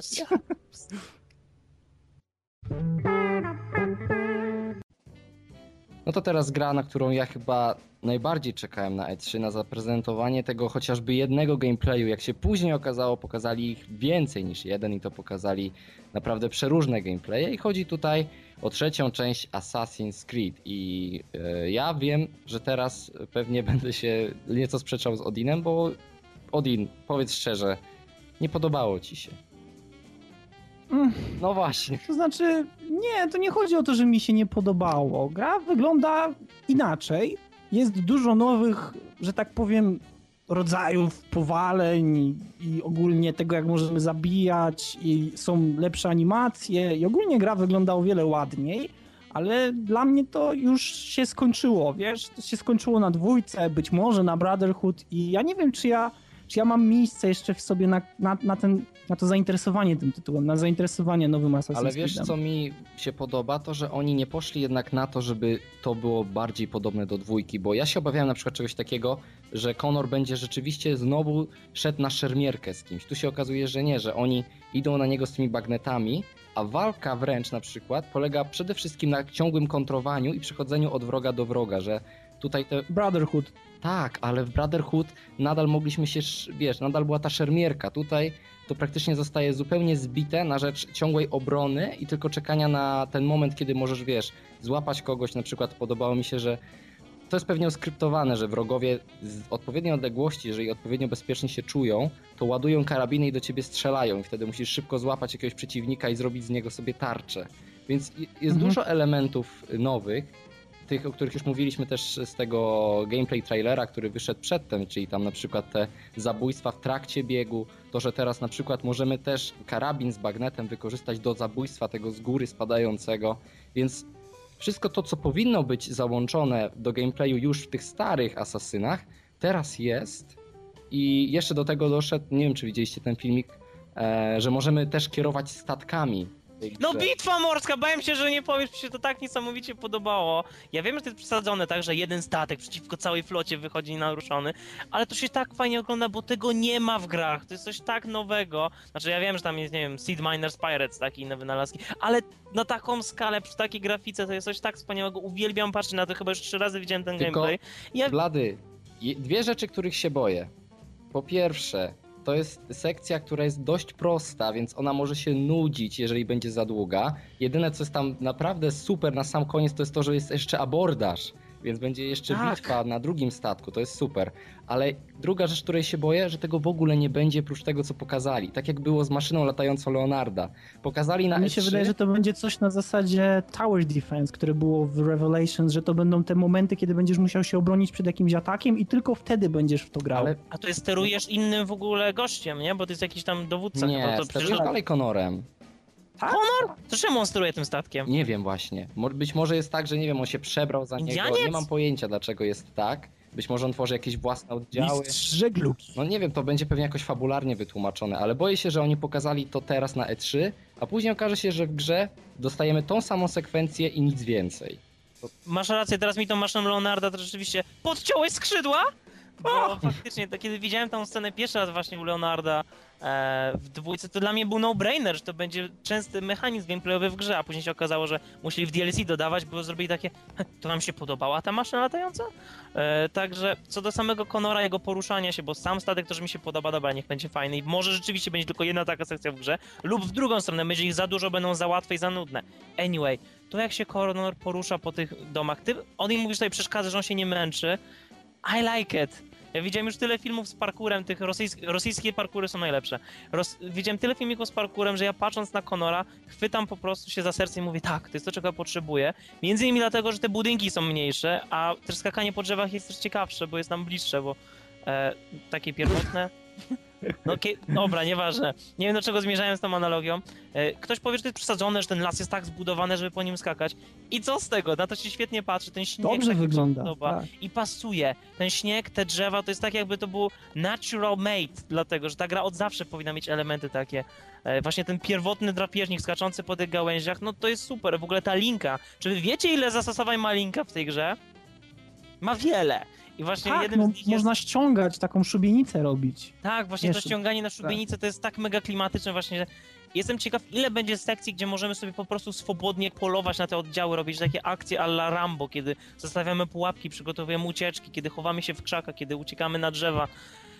Ha, ja wiem, że nie powinienem się Tak. nakręcać, bo już mnie Ubisoft tyle razy okłamało. Nie rób tego. Po prostu Ale No, które ja pamiętam Ubisoft, Jade. Blady? Które Ubisoft? Fuck EA, to Ubisoft.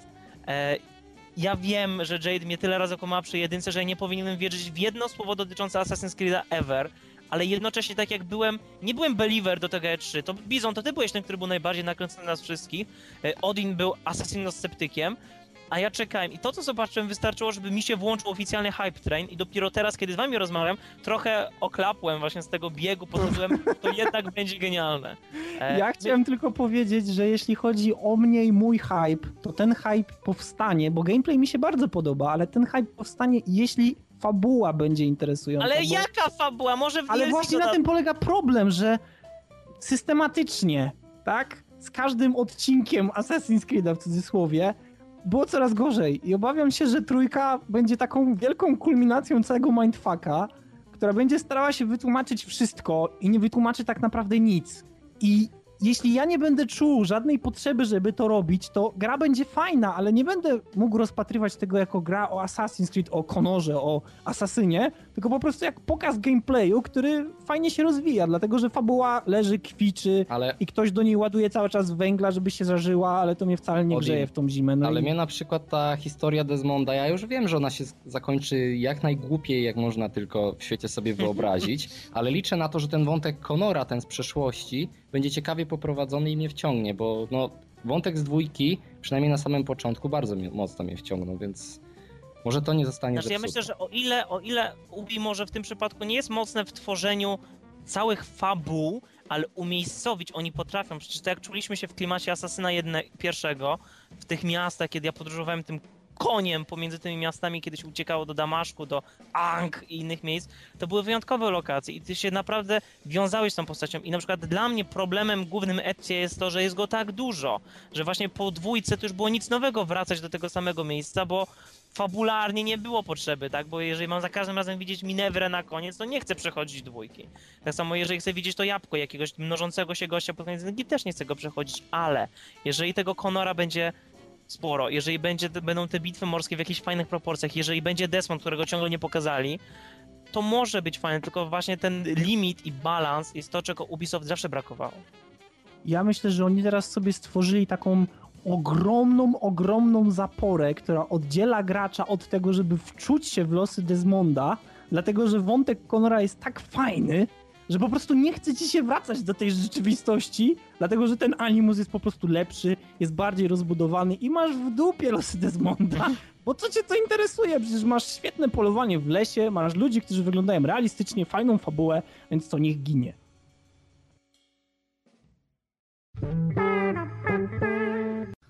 Dobrze, więc kolejny temat, czyli Dead Space 3. Co się pojawia? Pojawia się koop, pojawia się lepsza grafika, pojawia się nowy Dead Space i pojawia się jeszcze mniej strachu i jeszcze większa gra. Tak, tylko że mój problem z Dead Space'em polega na tym, jedynkę szanuję za to, że była innowacyjna, że zrobiła coś, co nie dało rady zrobić e, Resident Evil 5, ale o tym będzie filmik niedługo na stronie, pewnie niektórzy obejrzą.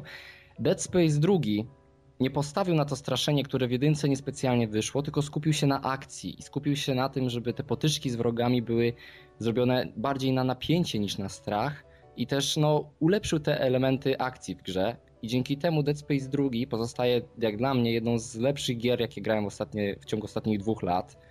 Więc yy, ja mówię tutaj z perspektywy kogoś, kto w Dead Space'a drugiego dużo grał i który mu się bardzo podobał. Dead Space 3 wygląda po prostu źle.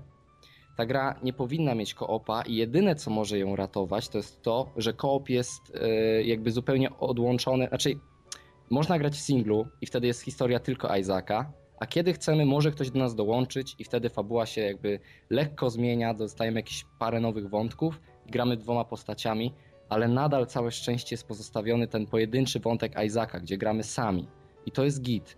Ale po co nam coś takiego jak zunifikowana amunicja? Czyli teraz amunicja jest do wszystkiego. Już nie trzeba jej oszczędzać, bo ona jest wszędzie i prasuje do każdej broni. Dlaczego mamy cover system? Dlaczego strzelamy się z ludźmi, którzy też są wyposażeni w broń palną? Dlaczego to się zmienia w Gears of War? Dlaczego? Wow, nie spodziewałem się zupełnie. Znaczy, o ile oni się ugięli w stronę fanów pragnących kołapa, o tyle chyba odgięli się od fanów, którzy zawsze stawiali właśnie na strach i na te... Znaczy strach, ja się nigdy nie bałem grając w Dead Space, tylko to było bardziej, to są takie jump scares, tak? Kiedy coś wyskakuje za rogu, krzyczy głośno i miga światłem, no to nie można się nie spiąć wtedy. Ale mm, kiedy przez chwilę chciałem ci przyznać rację, to pomyślałem jednak, że to są utalentowani ludzie. Jak się nazywa to, to studio? Hammer? Visceral Games. No przecież mówię, właśnie Visceral Games. E, oni mają zaskakująco dużo talentu, jak na to, że są pod EA. Jak na to, że są pod EA, oni biorą naprawdę sporo czasu, oni naprawdę myślą na tym, co robią, więc jeżeli oni by nie chcieli robić kołapu, to pewnie by go nie, pewnie by go nie dodali, bo ja wiem, że były naciski na nich, jak już mówiłem, już do dwójki, żeby zrobić DLC z kołapem. Oni zaczęli grzebać przy tym pomyśle, ale, są ale powiedzieli nie. Blady, bo właśnie ludzie chcą na siłę wszędzie teraz koop, żeby móc grać w multi, żeby móc y, we dwójkę przeżywać tą grę, ale Dead Space zawsze był właśnie o tym, że jesteś sam. On nie tak, zyskuje jesteś wcale osamotniony. Że znaczy jesteś... Ja... Ale już, jeżeli, bo teraz robię podwaliny tobie Odin. Bo zobacz, jeżeli właśnie byśmy się trzymali cały czas tej przeszłości, to gdybym miał znowu tego samego Izaka, który używa tych samych broni ja już go mam obcykanego, ja już wiem wszystko, co on robi, już znam jego limity, znam wszystkie triki, jakie mogą mieć stacje kosmiczne, już znam wszystkie sposoby radzenia sobie w tej sytuacji, więc co oni teraz robią? Wrzucają nas w nowe środowisko, w nowe wyzwania, żeby były nowe bodźce, nowe stymulanty, żeby nic nie było nam dane jako ja już to znam, I got this, nie? Że teraz są inne sytuacje. Ja wiem, że to jest pewnie za bardzo Gears of War'owate, ale z drugiej strony dla Isaaca to jest coś nowego walczyć w takich okolicznościach.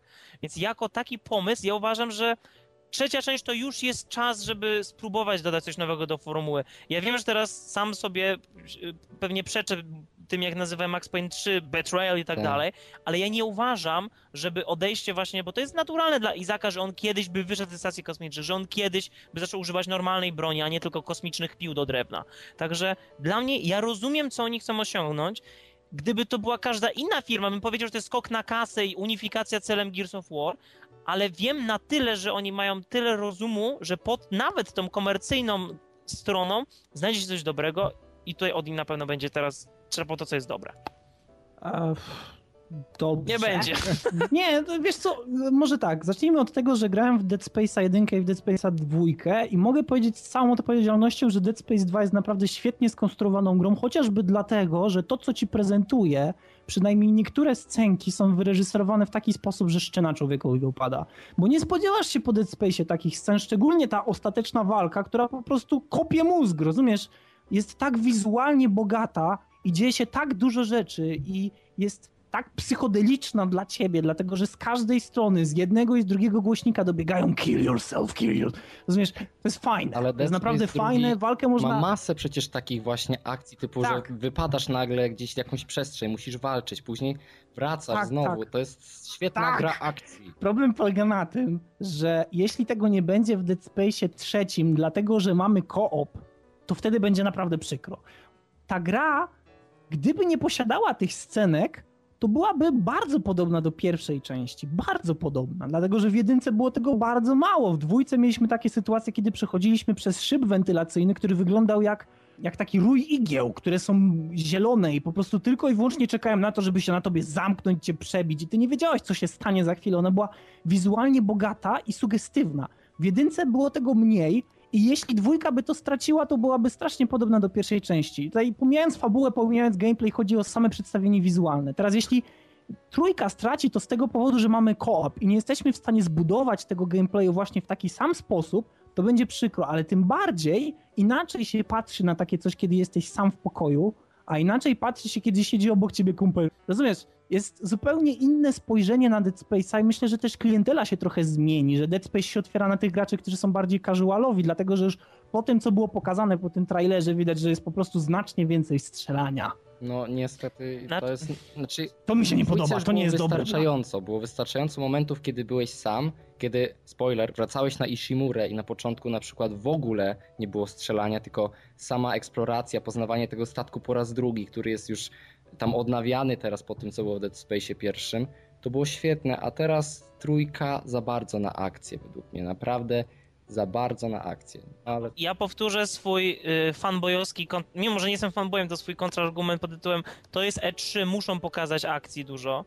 E, ja myślę, że oni sobie by nie pozwolili wyciąć momentów, kiedy po prostu idziesz klimatycznie. A to, że jesteś z kimś, to zamieniasz jeden rodzaj strachu na drugi tak naprawdę, bo jeżeli będziemy teraz o siebie dbać nawzajem, jeżeli e, będą sobie trzeba będzie sobie pomagać, kiedy będzie trzeba siebie osłaniać nawzajem, to jest inny rodzaj też pomagania, ale inny jest, rodzaj podchodzenia ale, Tak, ale to nie jest ten strach blady, kiedy jesteś sam na sam ze sobą. To nie jest Ale strach, kiedy wisi twój kompan, właśnie będziesz miał te scenki, wyobraź sobie, że mamy bo mówi, że jeżeli teraz były kiedyś te scenki, kiedy właśnie, bez spoilerów, tak, ale kiedy tam wisisz na krawędzi, musi naciskać w odpowiednim tempie, mamy dwie postacie, jedna wisi na krawędzi, druga się czołga, żeby ją uratować, to też one mogą powodować yy, dupozwierstwo, tak, kiedy naprawdę się starasz o to, żeby uratować tego drugiego, bo wiesz, że to nie jest teraz tylko twój pierwszy gracz i jak umrzesz, to robisz restart. Nie. Ale widzisz, ale ja grałem w takie gry. Na polega. Ja grałem w takie gry, kiedy jedna osoba umiera, to zaczynacie się śmiać i mówić, ty bydlaku, co żeś zrobił, wiesz, to nie jest to samo, co kiedy jesteś sam na sam ze sobą, kiedy masz tylko i wyłącznie siebie i zupełnie inaczej doświadczasz tą grę, zupełnie inaczej patrzysz na Silent Hilla, kiedy grasz w niego samego, a kiedy nie, siedzą za tobą koledzy i mówią, o, co się dzieje w ogóle, jakie syreny ja, ja nie wiem, ja myślę, że po prostu Dead Space straci trochę z tej straszności, która i tak wcale nie była duża, ale, ale była czymś, co było po prostu fajne. No na pewno, teraz, ale ja myślę, że oni zastąpią tą straszność po prostu innymi elementami i trzecia część to już jest moment, w którym można, nie trzeba, ale to jest moment, w którym można spróbować czegoś nowego. Oby. Byle nie skończył jak Max Payne trzecia część, która spróbowała wszystkiego nowego i wszystko było do dupy. Dead Space nigdy nie był straszny. Dobrze.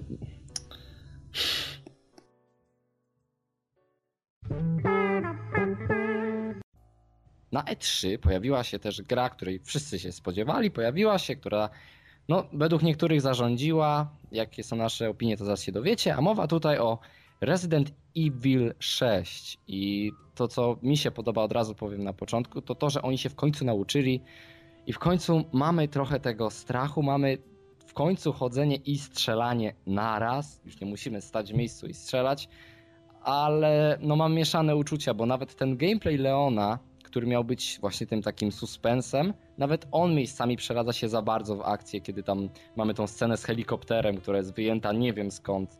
No ale hmm. Odin, take it away. Um, Okej, okay, więc jeśli chodzi o Residenta, to każdy, kto grał w czwartą część, wie jakim dziwnym skokiem była część piąta. Dlatego, że zrzuciła z siebie tą otoczkę tego, że jesteśmy sam na sam ze sobą, tak jak już mówiłem w Dead Space, ale też, że musimy jednak myśleć w dość taktyczny sposób, dlatego że żeby strzelać musimy się zatrzymać.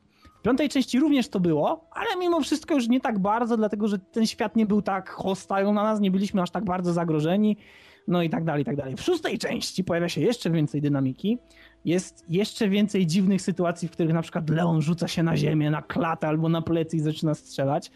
Jest to dziwne, dlatego że ciężko jest tutaj mówić o tym taktycznym podejściu do gry. Ciężko jest mówić o tym, że rzeczywiście te zombie stwarzają jakieś zagrożenie, kiedy jesteśmy w stanie robić aż tak dziwne wygibasy dalej w nas rzucają różnymi rzeczami, tak więc możemy oberwać metalową rurą w czoło, możemy oberwać jakimś sztyletem, możemy oberwać jakąś dzidą. Ponoć tego będzie jeszcze więcej. wraz z tym, jak fabuła będzie poruszać się do przodu. No i na pewno trzeba tutaj to podsumować tak, gra jest o wiele bardziej dynamiczna. Z jednej strony to dobrze, dlatego że na przykład kiedy gramy w czwartą część, to czasami może nam przeszkadzać to, iż gra czasami się ciągnie i nie do końca wiadomo, gdzie zmierzamy i robimy pewne rzeczy, ale nie wiemy po co.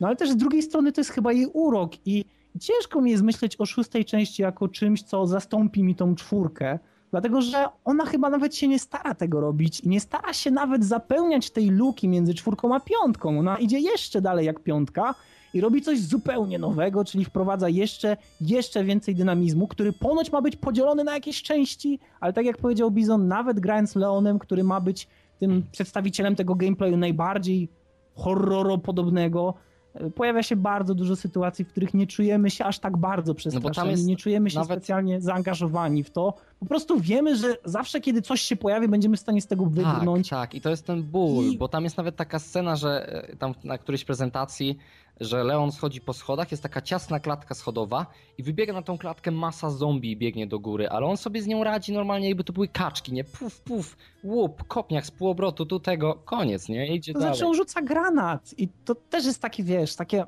okej, okay, no w trzeciej części, w drugiej części też było coś takiego, że mogłeś rzucić granat, ale ale czy ja chcę pokazywać to na tej prezentacji E3? Chcę pokazywać takie przejście Leonem, chcę pokazywać coś takiego. No, ja myślałem, że zobaczymy jednak zupełnie inne ujęcie gameplayowe, skoro już nam powiedzieli, że Chris będzie bardziej nastawiony na akcję, mhm. to dziecko Weskera będzie czymś pomiędzy, a Leon to jednak będzie ten typowy survival horror, który pamiętamy z drugiej i z czwartej części. To myślałem, że jednak rzeczywiście to zobaczymy. Ale trochę no, tego no, nie jest, ale jest tego trochę w tym gameplayu, który tam chyba Blady podsyłał, czy też ty, już nie wiem, ale jest też troszkę tego suspensu, ale no nie na tyle, żeby Gra jest dynamiczna, jest bardzo dynamiczna. To jest na pewno to, co możesz powiedzieć o niej na 100% i się nie pomylić, że, że po prostu zmieniła się. Ale jak wygląda oprócz tego? No na pewno gra się w nią przyjemnie, ale na pewno nie da się jej przestraszyć. Tego na pewno chyba nie jesteśmy w stanie doświadczyć grając w nowego Residenta, ale myślę, że podstawa do gry kooperacyjnej jest bardzo duża.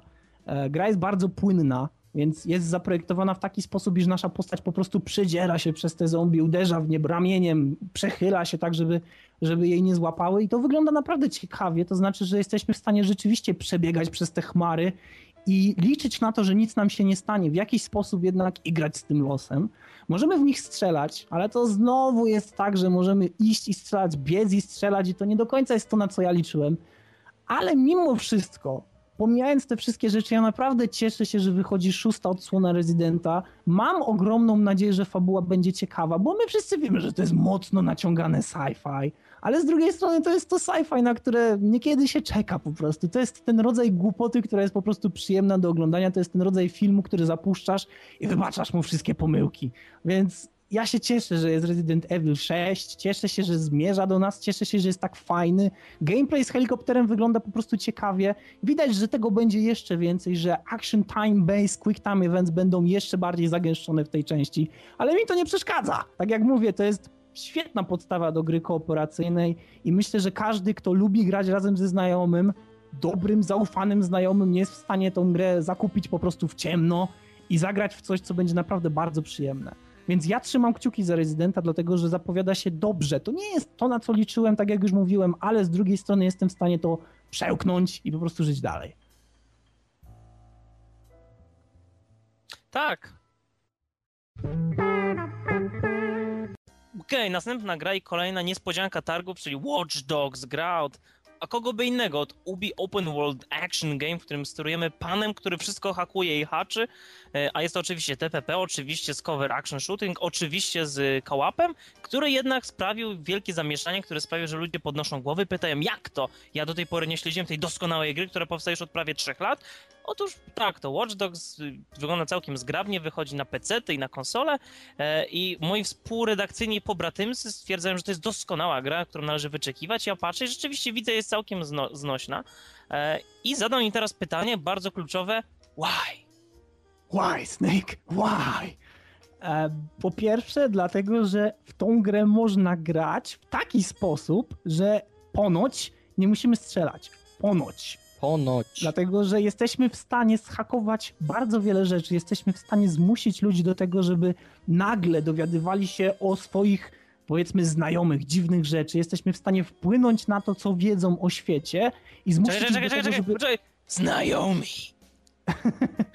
żeby, żeby zaczęli między sobą walczyć. Na przykład jesteśmy w stanie włamać się na jakiś datapad, uploadować jakąś fałszywą informację i to potem może wpłynąć na to, że ci bodyguardzi, bodyguardzi, bądź. oni będą, oni będą nam pomagać, albo nawet wykonają to wszystko za nas, rozumiesz? To jest, to jest duży potencjał, piękna dlatego że jesteśmy w stanie kombinować. Ja bardzo lubię to w grze, kiedy jestem w stanie kombinować, kiedy gra rzuca mi ten swój open world w cudzysłowie i mówi masz, spróbuj. I ja wtedy biorę i staram się znaleźć jak najdziwniejszą, pokraczną drogę, dlatego że chcę sprawdzić, na ile ta gra jest otwarta na takie pomysły. Tak, ale I ona ponoć jest Odin, na to ale to świetnie brzmi i to są wspaniałe nadzieje. Ale ja wiem, jakie- ja to jest upi, ja wiem. patrz, to, to jest na E3 i oni to zaprezentowali w taki sposób, kiedy on wyszedł i przełączył te światła, kiedy się zrobił ten wypadek na ulicy te, te samochody się pozderzały, to wszystko wyglądało na skrypt. To nie było coś, co my nie wiedzielibyśmy, że my powinniśmy odpalić, albo do czego doszlibyśmy bez wiedzy na przykład programistów. To było coś ustalone z góry i ja się boję, że właśnie oni zapowiadają, że będzie otwartość, ale koniec końców trzeba będzie i tak trafić w te skrypty, bo zauważ jak te samochody się poustawiały. Tak miało być właśnie. Ja myślę, tak, ja myślę, że masz rację. Myślę, że po prostu te skrypty to jest jedna z rzeczy, która będzie się odgrywać w danym momencie, jeśli coś zrobisz. Czyli samochody zderzać się będą za każdym razem tak samo. Po Ale prostu to od ciebie będzie zależało, czy odpalisz tę animację, Tak, czy nie. myślę, że tak to właśnie Bo będzie. można działać. zachować open world w świecie zrządzonym przez skrypty, właśnie jeżeli będziemy mieli przygotowane różne scenariusze i wybór tego. E, znaczy, ja zwracam na tę grę uwagę z dwóch powodów. Po pierwsze, podoba mi się pomysł tego on the fly co-opu w tej grze akurat, Mhm. bo tu jest dla mnie zrozumiały. A po drugie, główny bohater przypomina mi trochę gościa z Sabote. Ale właśnie nie wiemy, czy to jest główny bohater, bo tam widzisz, ten gameplay tego kolesia przemienia się później bardzo szybko w gameplay kogoś, kto właśnie oglądał tą akcję z góry. I teraz ta druga postać, jeżeli dobrze pamiętam, będzie musiała zadbać o jakieś zatuszowanie tego, czy coś takiego, więc Wiesz, czego się boję? Fahrenheit. Z początku genialnie, dlatego że przecież na samym początku ukrywamy rzeczy jako Markus, a później szukamy ich jako dwóch policjantów. I właśnie Lukas, Lukas Odin, jako Lukas. Przepraszam, Lukas, tak. I czy to będzie działało w taki sposób, że druga osoba jest właśnie tym naszym partnerem do kooperacji, która nam pomaga, czy Tak, właśnie to ma być jakiś agent bot, który ma się zadanie pilnowania, chociaż nie teraz sam wątpię w to, co mówię, ale ogólnie e, zaczynam. Active? Im więcej o tym myślę, to faktycznie to jest fajna gra. I kiedy na nią patrzę, ona nie wygląda. Bo ona jest y, chwalona za tej grafiki.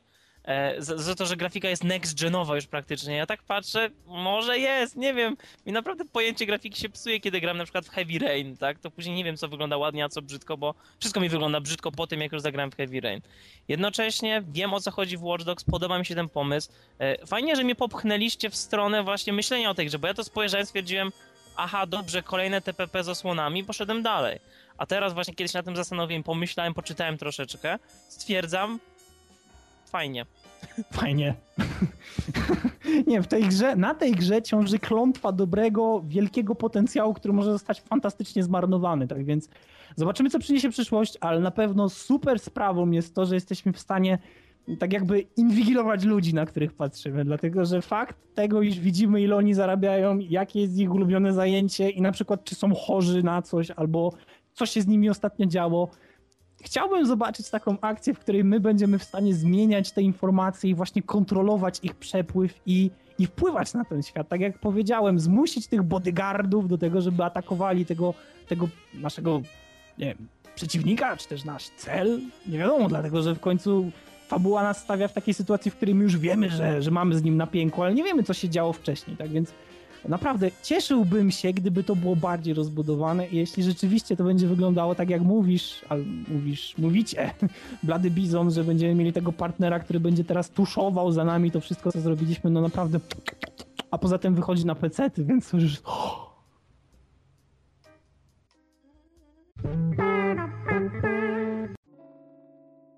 Okej, okay, a na sam koniec dwa starcia dwóch, znaczy jedno, dwóch, starcie dwóch jednych tytanów, czyli Wii U i Microsoftów konferencję. Teraz Nintendo w końcu wypuściło ponoć konsolę nowej generacji, którą jest Wii U, mimo silnych nacisków ze strony ich shareholderów, zachowali nazwę Wii U, e, zachowano dziwny tablet, on uległ pewnym przeróbkom, ale Wii U pojawił się, Wii U zaprezentował pierwsze tytuły, m.in. nowe Super Smash Bros. U, i, i Pikmin 3. Jest to jedyna gra, która mnie obchodzi tak naprawdę do tej pory, e, ale to jest moje osobiste skrzywienie i należy się nim kierować. Ogólnie Wii U jako taki nie pokazał swoich oficjalnych specyfikacji nadal, e, więc nie ma pewności, jakie tam moce w nim drzemią. Jednocześnie Wii U jest konsolą zgrabną, przemyślaną, ale ona raczej nie zaprezentuje niczego, co wykręci nam karki i po prostu strzaska kręgosłupy, bo to jest po prostu taka konsola, jaką był GameCube kiedy, kiedy wyszedł bo podpowiem, że kiedy GameCube wyszedł po PS2 i po Xboxie, był najsilniejszą konsolą tamtej generacji. I gdyby teraz wyszedł Wii U, to byłby silniejszy od PlayStation i Xboxa, ale nie jest. I jako taka, taki pomoc do nowej generacji chyba też mu za bardzo to nie wyjdzie. Ogólnie największym oczywiście jego y, ciekawostkiem jest ten pad. Y, posiadając ten ekran dotykowy, kamery, tam żyroskop, wychyloskop, machanioskop, akceleroskop, wszystkie możliwe skopy, które mają dać nam możliwość przegrywania w grze na wiele nowych sposobów. E, ogólnie co jest najfajniejsze w tym padzie, to to, że baterie w nim pozwalają na granie od 3 do 5 godzin tylko i że ładowanie tego pada będzie trwało 3,5 godziny, niezależnie od wszystkich okoliczności na niebie i ziemi, więc e, brawo Nintendo. Ledwo ludzie krytykowali, że 3DS się długo ładuje i na wolno i na mało starcza bateria, więc ty zapewniasz jak zwykle i pozwala. Ale wiesz, czego bym potrzebował w tym momencie? Żeby nie było czegoś takiego jak możliwość podpięcia tego tego pada kablem, tylko żeby była specjalna Tak, na pewno będzie stacja dokująca, żebyś nie mógł jednocześnie ładować i grać, na pewno. I ogólnie Nintendo jest świetne w naprawianiu swoich błędów. Przykład, jak szybko oni się uczą. Nintendo, kiedy stworzyło NS-a, wykorzystało tam taki specjalny biały plastik i teraz wiele osób wie, że Nintendo pierwsze, to oficjalne, po jakimś czasie zaczęło żółknąć. Mm. Ponieważ plastik, którego użyje był kijowy, więc co oni zrobili? No do Super Nintendo użyli tego samego plastiku. I oczywiście wyszedł Nintendo 64 powiedzieli ludzie, patrzcie, ono jest czarne, teraz nie będzie się żółcić biały plastik, ale Nintendo zapewniło nam ten biały plastik na padach, które sprawiły, że pady na Nintendo 64 nie tylko się psują w nich gałki, ale i żółkną. Patrzę na swojego GameCube'a dzisiaj co stwierdzam, że przycisk Power jest też z tego samego plastiku, co był NS 20 lat temu i tak samo mi pożółkł przycisk, więc jestem pewny, że ten pad do Wii U, który będzie kosztował 500 zł, będzie się dało 3,5 godziny, też będzie żółknął, bo Nintendo to jest... Ale blady, ja nie mówię, że to jest tradycja Wii, i nie mówię, że... Wii było całe białe i nikt chyba nie mówił, że ono nie żółkło. Nie, nie, Czyżby nie krok do przodu po 25 latach? Nie, niemożliwe. Ogólnie Nintendo jest tak silny. Niektórzy mówią, że to jest tradycja, że to jest trzymanie się historii. Dla mnie to jest przestarzałość, brak otwarcia i odcięcie, taka sztuczna izolacja od świata. Tym bardziej, że oni mają bardzo fajne pomysły czasem. I na przykład ich świetne pomysły często mają jedną fatal flaw, mają jeden problem.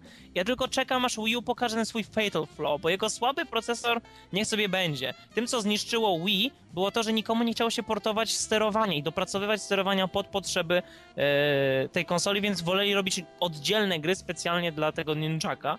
Jaki będzie problem z Wii U?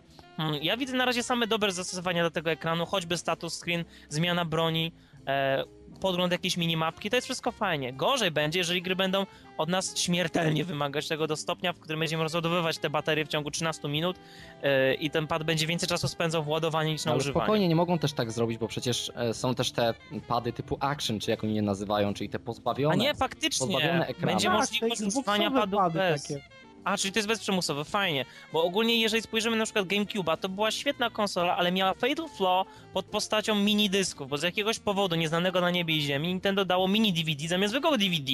I to ograniczyło niesamowicie przystępność konsoli, pojemność płyt, bla bla bla bla bla. Jaki będzie problem z Wii U? E, na pewno nazwa, to już jest pierwsze, co mi odrzuca od niej, to, że kampania jest dalej nastawiona na infantylne gry. I ha, i jeszcze jedna rzecz. Nintendo już po tych kilkudziesięciu, na, kilkunastu latach na rynku stwierdziło, że stworzy social network, czyli możliwość wymiany e, danymi alla Facebook, stworzenia takiej miściany. I ludzie pomyśleli, no w końcu Nintendo, w końcu idziecie do przodu, tworzycie system internetowy. Ale co zrobiło Nintendo? Każda wiadomość, jaka jest publikowana przez, na Nintendo Boardzie, będzie musiała być przeczytana przez pracownika z Nintendo i zatwierdzona przez niego. Tak, tak, Każdy tak, czytałem post, o tym każdy post, jaki chcesz dodać na swojej tablicy, będzie musiał być przeczytany e, przez pracownika, który to zatwierdzi, sprawdzi i tak dalej. No przecież to jest chore, w jakim świecie my żyjemy. I oni mówią, że no, it's gonna be almost instant, circa 30 minutes. No, oczywiście. Sorry, to nie jest instant 30 minut, tym bardziej w świecie, w którym żyjemy, gdzie ludzie sobie informują o tym, że Twitter on the shitter, tak? Że oni idą do toalety i tak dalej. Ludzie...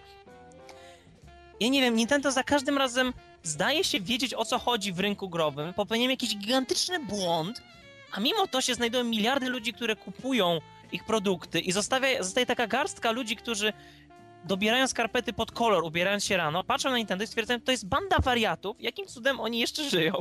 Także to jest naprawdę dziwne. Mnie to przeraża czasem, jak patrzę na Nintendo, bo oni są w ogóle dziwni, Japończycy są dziwni. Niektórzy lepiej to chowają, inni mniej. E, niektórzy twierdzą, że to jest część wspaniałości Japończyków, właśnie to, że oni są inni, oderwani.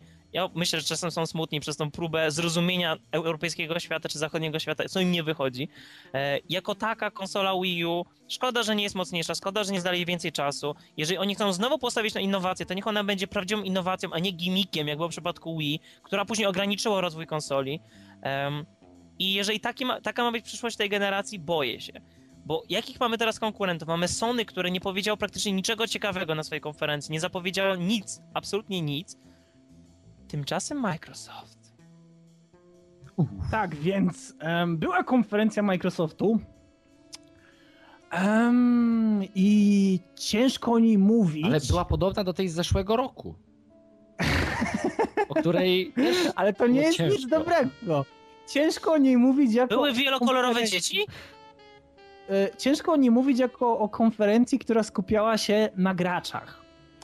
Um, the game is here, tak była sygnowana, tak się reklamowała. E, jak wyglądała? Otóż w można powiedzieć na oko dwóch trzecich było to po pierwsze krzyczenie do publiczności, tylko takie nieoficjalne, ale bardziej takie sugestywne zwracanie im uwagi na to, żeby kupili Kinecta, dlatego że coraz więcej tytułów będzie posiadało obsługę Kinecta i na przykład taki Splinter Cell Blacklist przecież normalnie z mikrofonu w headsetie nie może skorzystać. Nie. Musi korzystać z Kinecta, jeśli chcesz wydawać polecenia głosowe, dlatego że ponoć istnieje tam jakaś technologia, która na to pozwala, co jest oczywiście bullshitem i wszyscy o tym wiedzą. Dalej, pojawia się Asher e, i organizuje koncert, mały koncert razem z grupą tancerzy, dlatego że przecież The Game is Here. E, później pojawia się mnóstwo różnych pomniejszych tytułów na Kinecta, które oczywiście sugerują nam, że The Game is Here. I ludzie stoją i się patrzą na to i nie wiedzą za co się złapać, dlatego że wszyscy mdleją i każdemu robi się słabo, dlatego że nie ma Game is Here, nie ma nic, jest Kinect. Ale jedyne I... chyba co było jasnym punktem tej prezentacji Xboxowej było to, jak oni zaczynali prezentować te tak zwane third party games, czyli te gry, które nie wychodzą od samego Microsoftu, które nie są robione pod tą konsolę, które nawet nie są ekskluzywami. Przecież w ogóle e, trailer tak, ale to chyba był, przeszedł zupełnie bez To było echa. koło ratunkowe. To było koło ratunkowe dla Microsoftu, dlatego że oni tak naprawdę nie zaprezentowali nic. No jedne Gearsy, chyba... które nikogo nie obchodzą jeszcze. No. Ponieważ o ile Gearsy, czy kiedykolwiek grając w Gearsy stwierdziłeś, ach, ten Bird, ależ to jest ciekawa i charyzmatyczna postać. Jestem ciekaw, czy będzie kiedyś spin-off, gdzie on przejmie rolę dowodzenia. Ale wiesz, to, jest... to, głównie chodzi o to, że będzie multi, nie? Że będzie multi, będzie więcej multi, będą nowe bronie, ludzie kupują Gears of War po części dla fabuły, ale też głównie dla e, powiedzmy ten co-op, który był w tej poprzedniej części, czyli w Gearsach trzecich, tak? Mhm, Drugich? Trzecich. No, trzecich właśnie e, czyli ta arena, o ile dobrze kojarzę, z której Cian nagrywał e, ten let's play, to było coś, co przyciągało Horde bardzo mode. ludzi. E, no Horde Mode, okej, ale to się chyba nazywało arena. Tryb wywłoki. No tak czy inaczej, to przyciąga ludzi. E, tryb multiplayer jak najbardziej. No Gearsy na pewno mają swoją rzeszę fanów, która jest bardzo, bardzo, bardzo wierna tej marce, ale Microsoft tak naprawdę nie pokazał nic i to jest głupie, żeby podsumowywać um, E3 i mówić sobie wprost, Nintendo zaprezentowało jakieś gry, no niespecjalnie. Dole nową pokazała. no tak, no ale gry. Czy Luigi pokazało! Czy Microsoft pokazał jakąś grę? No pokazał, ale Czy na to czekaliśmy? No nie do końca. Kto tak naprawdę miał przewagę, jeśli chodzi o prezentowanie tytułów, które były innowacyjne, ciekawe, które zrobiły największe wrażenie na wszystkich tych ludziach, na dziennikarzach i też osobach postronnych? No Ubisoft. Mhm. Oni wygrali I- całą konferencję, raczej całe E3 było Ubisoftu. Wszystko, czym się ludzie podniecali z tych konferencji, to Tak. było właśnie Ubisoft. Ale ja myślę, że Microsoft naprawdę mógł zrobić. Ja wiem, że oni tak naprawdę robią to tylko i wyłącznie pod inwestorów, że oni to pokazują, dlatego że całe E3 nie jest dla ludzi, którzy są dziennikarzami, nie jest dla graczy, jest dla inwestorów, którzy szukają właśnie materiałów, w które mogą zainwestować pieniądze i gdzie im się to zwróci. Ja to rozumiem, ale myślę, że za bardzo zapominamy o tym, iż takie uderzenie graficzne, jakim był koncert Ashera, gdzie było mnóstwo różnych świateł i gdzie te monitory w tle pulsowały razem z muzyką, to tak naprawdę w pewien sposób jest kompromitacja, dlatego że Microsoft stara się stworzyć warunki dla graczy, a tak naprawdę coraz bardziej oddala się od tych graczy, którzy są im wierni. Ale E, powiedz mi, czy to nie jest to, co ja głosiłem od ostatniego roku tak naprawdę, jeżeli chodzi o Ale wiesz, ja nigdy nie byłem, wiesz, ja nigdy nie miałem, nie stałem za Kinectem tak, żeby go bronić sierpem Ale nie, ja nigdy nie widziałem powodu, żeby one nie mogły koegzystować, tak? Żeby to było na dwóch platformach. Z jednej strony mamy te gry dla hardkorowców, a z drugiej strony, zupełnie nie ingerując jakby w politykę całej firmy, mamy gry na Kinecta. Przecież ja naprawdę nie widzę problemu w tym, żeby oni mogli to pogodzić, a tymczasem taki gracz hardkorowy słyszy, to jest takie, mama mówi Honey, the game is here, podbiegasz do drzwi, otwierasz, tam stoją gry do Kinecta i stwierdzasz, nie, wrong number, nie? I trzaskasz drzwiami, bo nie na to czekałeś. I Ale prostu- widzisz, my też nie możemy popadać za bardzo w przesady, dlatego że właśnie mieliśmy Watch Dogs, prawda? Ubisoft. Ale, okej. to, ale, Ale- Microsoft tego się trzymał, że nie mam powodu dzisiaj, żeby wspierać tę markę. E, Ja rozumiem, ja to doskonale rozumiem, tylko chcę też powiedzieć, że oprócz tego, że Ubisoft zdominował ten rynek, zdominował rynek E3, to mieliśmy przecież prezentację na te konsole. Właśnie Watch Dogs, o ile dobrze kojarzę, było uruchomione... Okej, ale posłuchaj, Watch Dogs, o ile kojarzę, dlatego że oni starali się padem chyba tak to na, nam przedstawić, bo wszyscy wiemy, że tak naprawdę wszystkie gry były uruchamiane na PC-tach, Mhm. ale uruchamiali Watch Dogs ponoć z kontrolerem od Microsoftu, a Last of Us było ponoć z kontrolerem od PS3 i to są świetne gry, więc E3 nie było aż tak złe, ale z punktu widzenia konkretnego wydawcy, konkretnej marki, jakim był Microsoft, to ja myślę, że oni naprawdę się trochę, w moich oczach przynajmniej skompromitowali. Oczywiście nie mówię, że to musi się zgadzać z każdym i każdy musi powiedzieć tak, rzeczywiście się skompromitowali, ale dla mnie ten koncert Ashera był po prostu śmieszny. Nie spodziewałem się tego i to nie było zaskoczenie, które było pozytywne. Czułem się zażenowany, kiedy to oglądałem, naprawdę.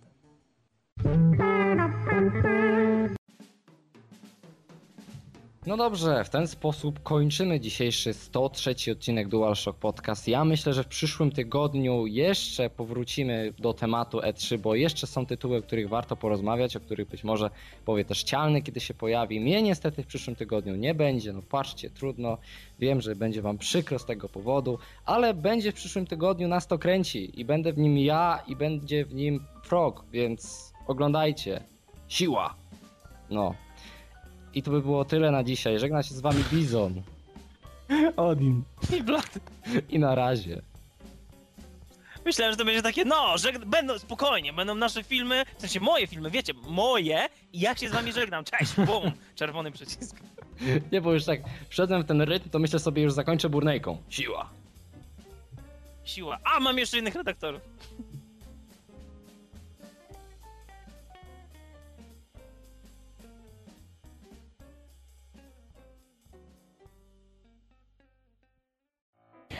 Okej.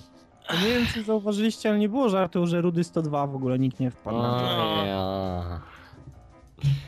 No to pan, nagrywamy 102.2. Kasto pod nowa. Dobra, uwaga. I znalazłem rewelacyjną grę, Czemu czasie- roku ma psa dalej? znaczy znalazłem najlepszą grę, którą, mo- którą mogę grać. To jest układanie klocków. Cztery albo więcej się zbijają. Super. No. Można się Zaskoczcie. zaskoczyć? Zaskoczcie się. Nie bądźcie zakończeni. No zaskoczcie się. Bądźcie zaskoczeni. Dajcie nie. się zaskoczyć, Tu zaskoczyć. mainstream. Zaskoczcie się. Ja zaskakuję samego siebie codziennie jak patrzę w lustro, ale... Co, zrobić jeszcze raz, czy tak zostawiamy? Ja nie wiem, no zaskoczcie się. Nie wiem, czy w ogóle jest takie słowo jak Dajcie się zaskoczcie. zaskoczyć. Dobra, okej, zrobię to jeszcze raz. No wszystko. Oko, dostałem wiadomość oko. Nie, bo teraz przeczytałem, bo patrzyłem, wiesz co, patrzyłem na ilość studii, E, Ubisoft. I ile ich jest? 12? Od chuja. Czekaj. Jest tak. Ubisoft Reflections, Ubisoft Barcelona, Ubisoft Casablanca, Ubisoft Shanghai, Ubisoft Germany, Ubisoft India, Ubisoft Ukraine, Ubisoft Massive, Ubisoft Milan, Ubisoft I Montreal, oni wszyscy Ubisoft razem robią Montreal. Assassin's Creed. Ubisoft, Ubisoft Nadeo, Ubisoft Quals, Ubisoft Hybrid, Ubisoft Nagoya, Ubisoft Paris, Ubisoft Polska, Ubisoft Quebec, Ubisoft Redstorm, Ubisoft Reflections, Ubisoft Romania, Ubisoft São Paulo, Ubisoft San Francisco, Ubisoft Shanghai, Ubisoft Singapur, Ubisoft Tokyo, Ubisoft Toronto, Ubisoft Vancouver. Ale, ale ty jeszcze nie wiesz, że jest pododdział Ubisoft Ukraine, ma Ubisoft Romania, Ubisoft Craiova, Ubisoft Sofia i Ubisoft Poland. Tak, Ubisoft Katowice, Ubisoft Sosnowiec. Ubisoft Trzebnice. Prawie zginąłem gingerbreadem. Nie! Wyłączam to. E, Bizoński chcesz Splinter Cell Shitlist? Zacząć? Ja mogę. Ja Ja mogę. chętnie mogę zacząć. Splinter Cell. Black. Black shit. Widziałem wszystkie gameplaye, jakie Dobra, wyszły, nie? ja Wszystkie. ten, ja zrobię drugie nagranie, jakby to miało się popsuć czy coś, nie? Po prostu zacznę drugie teraz.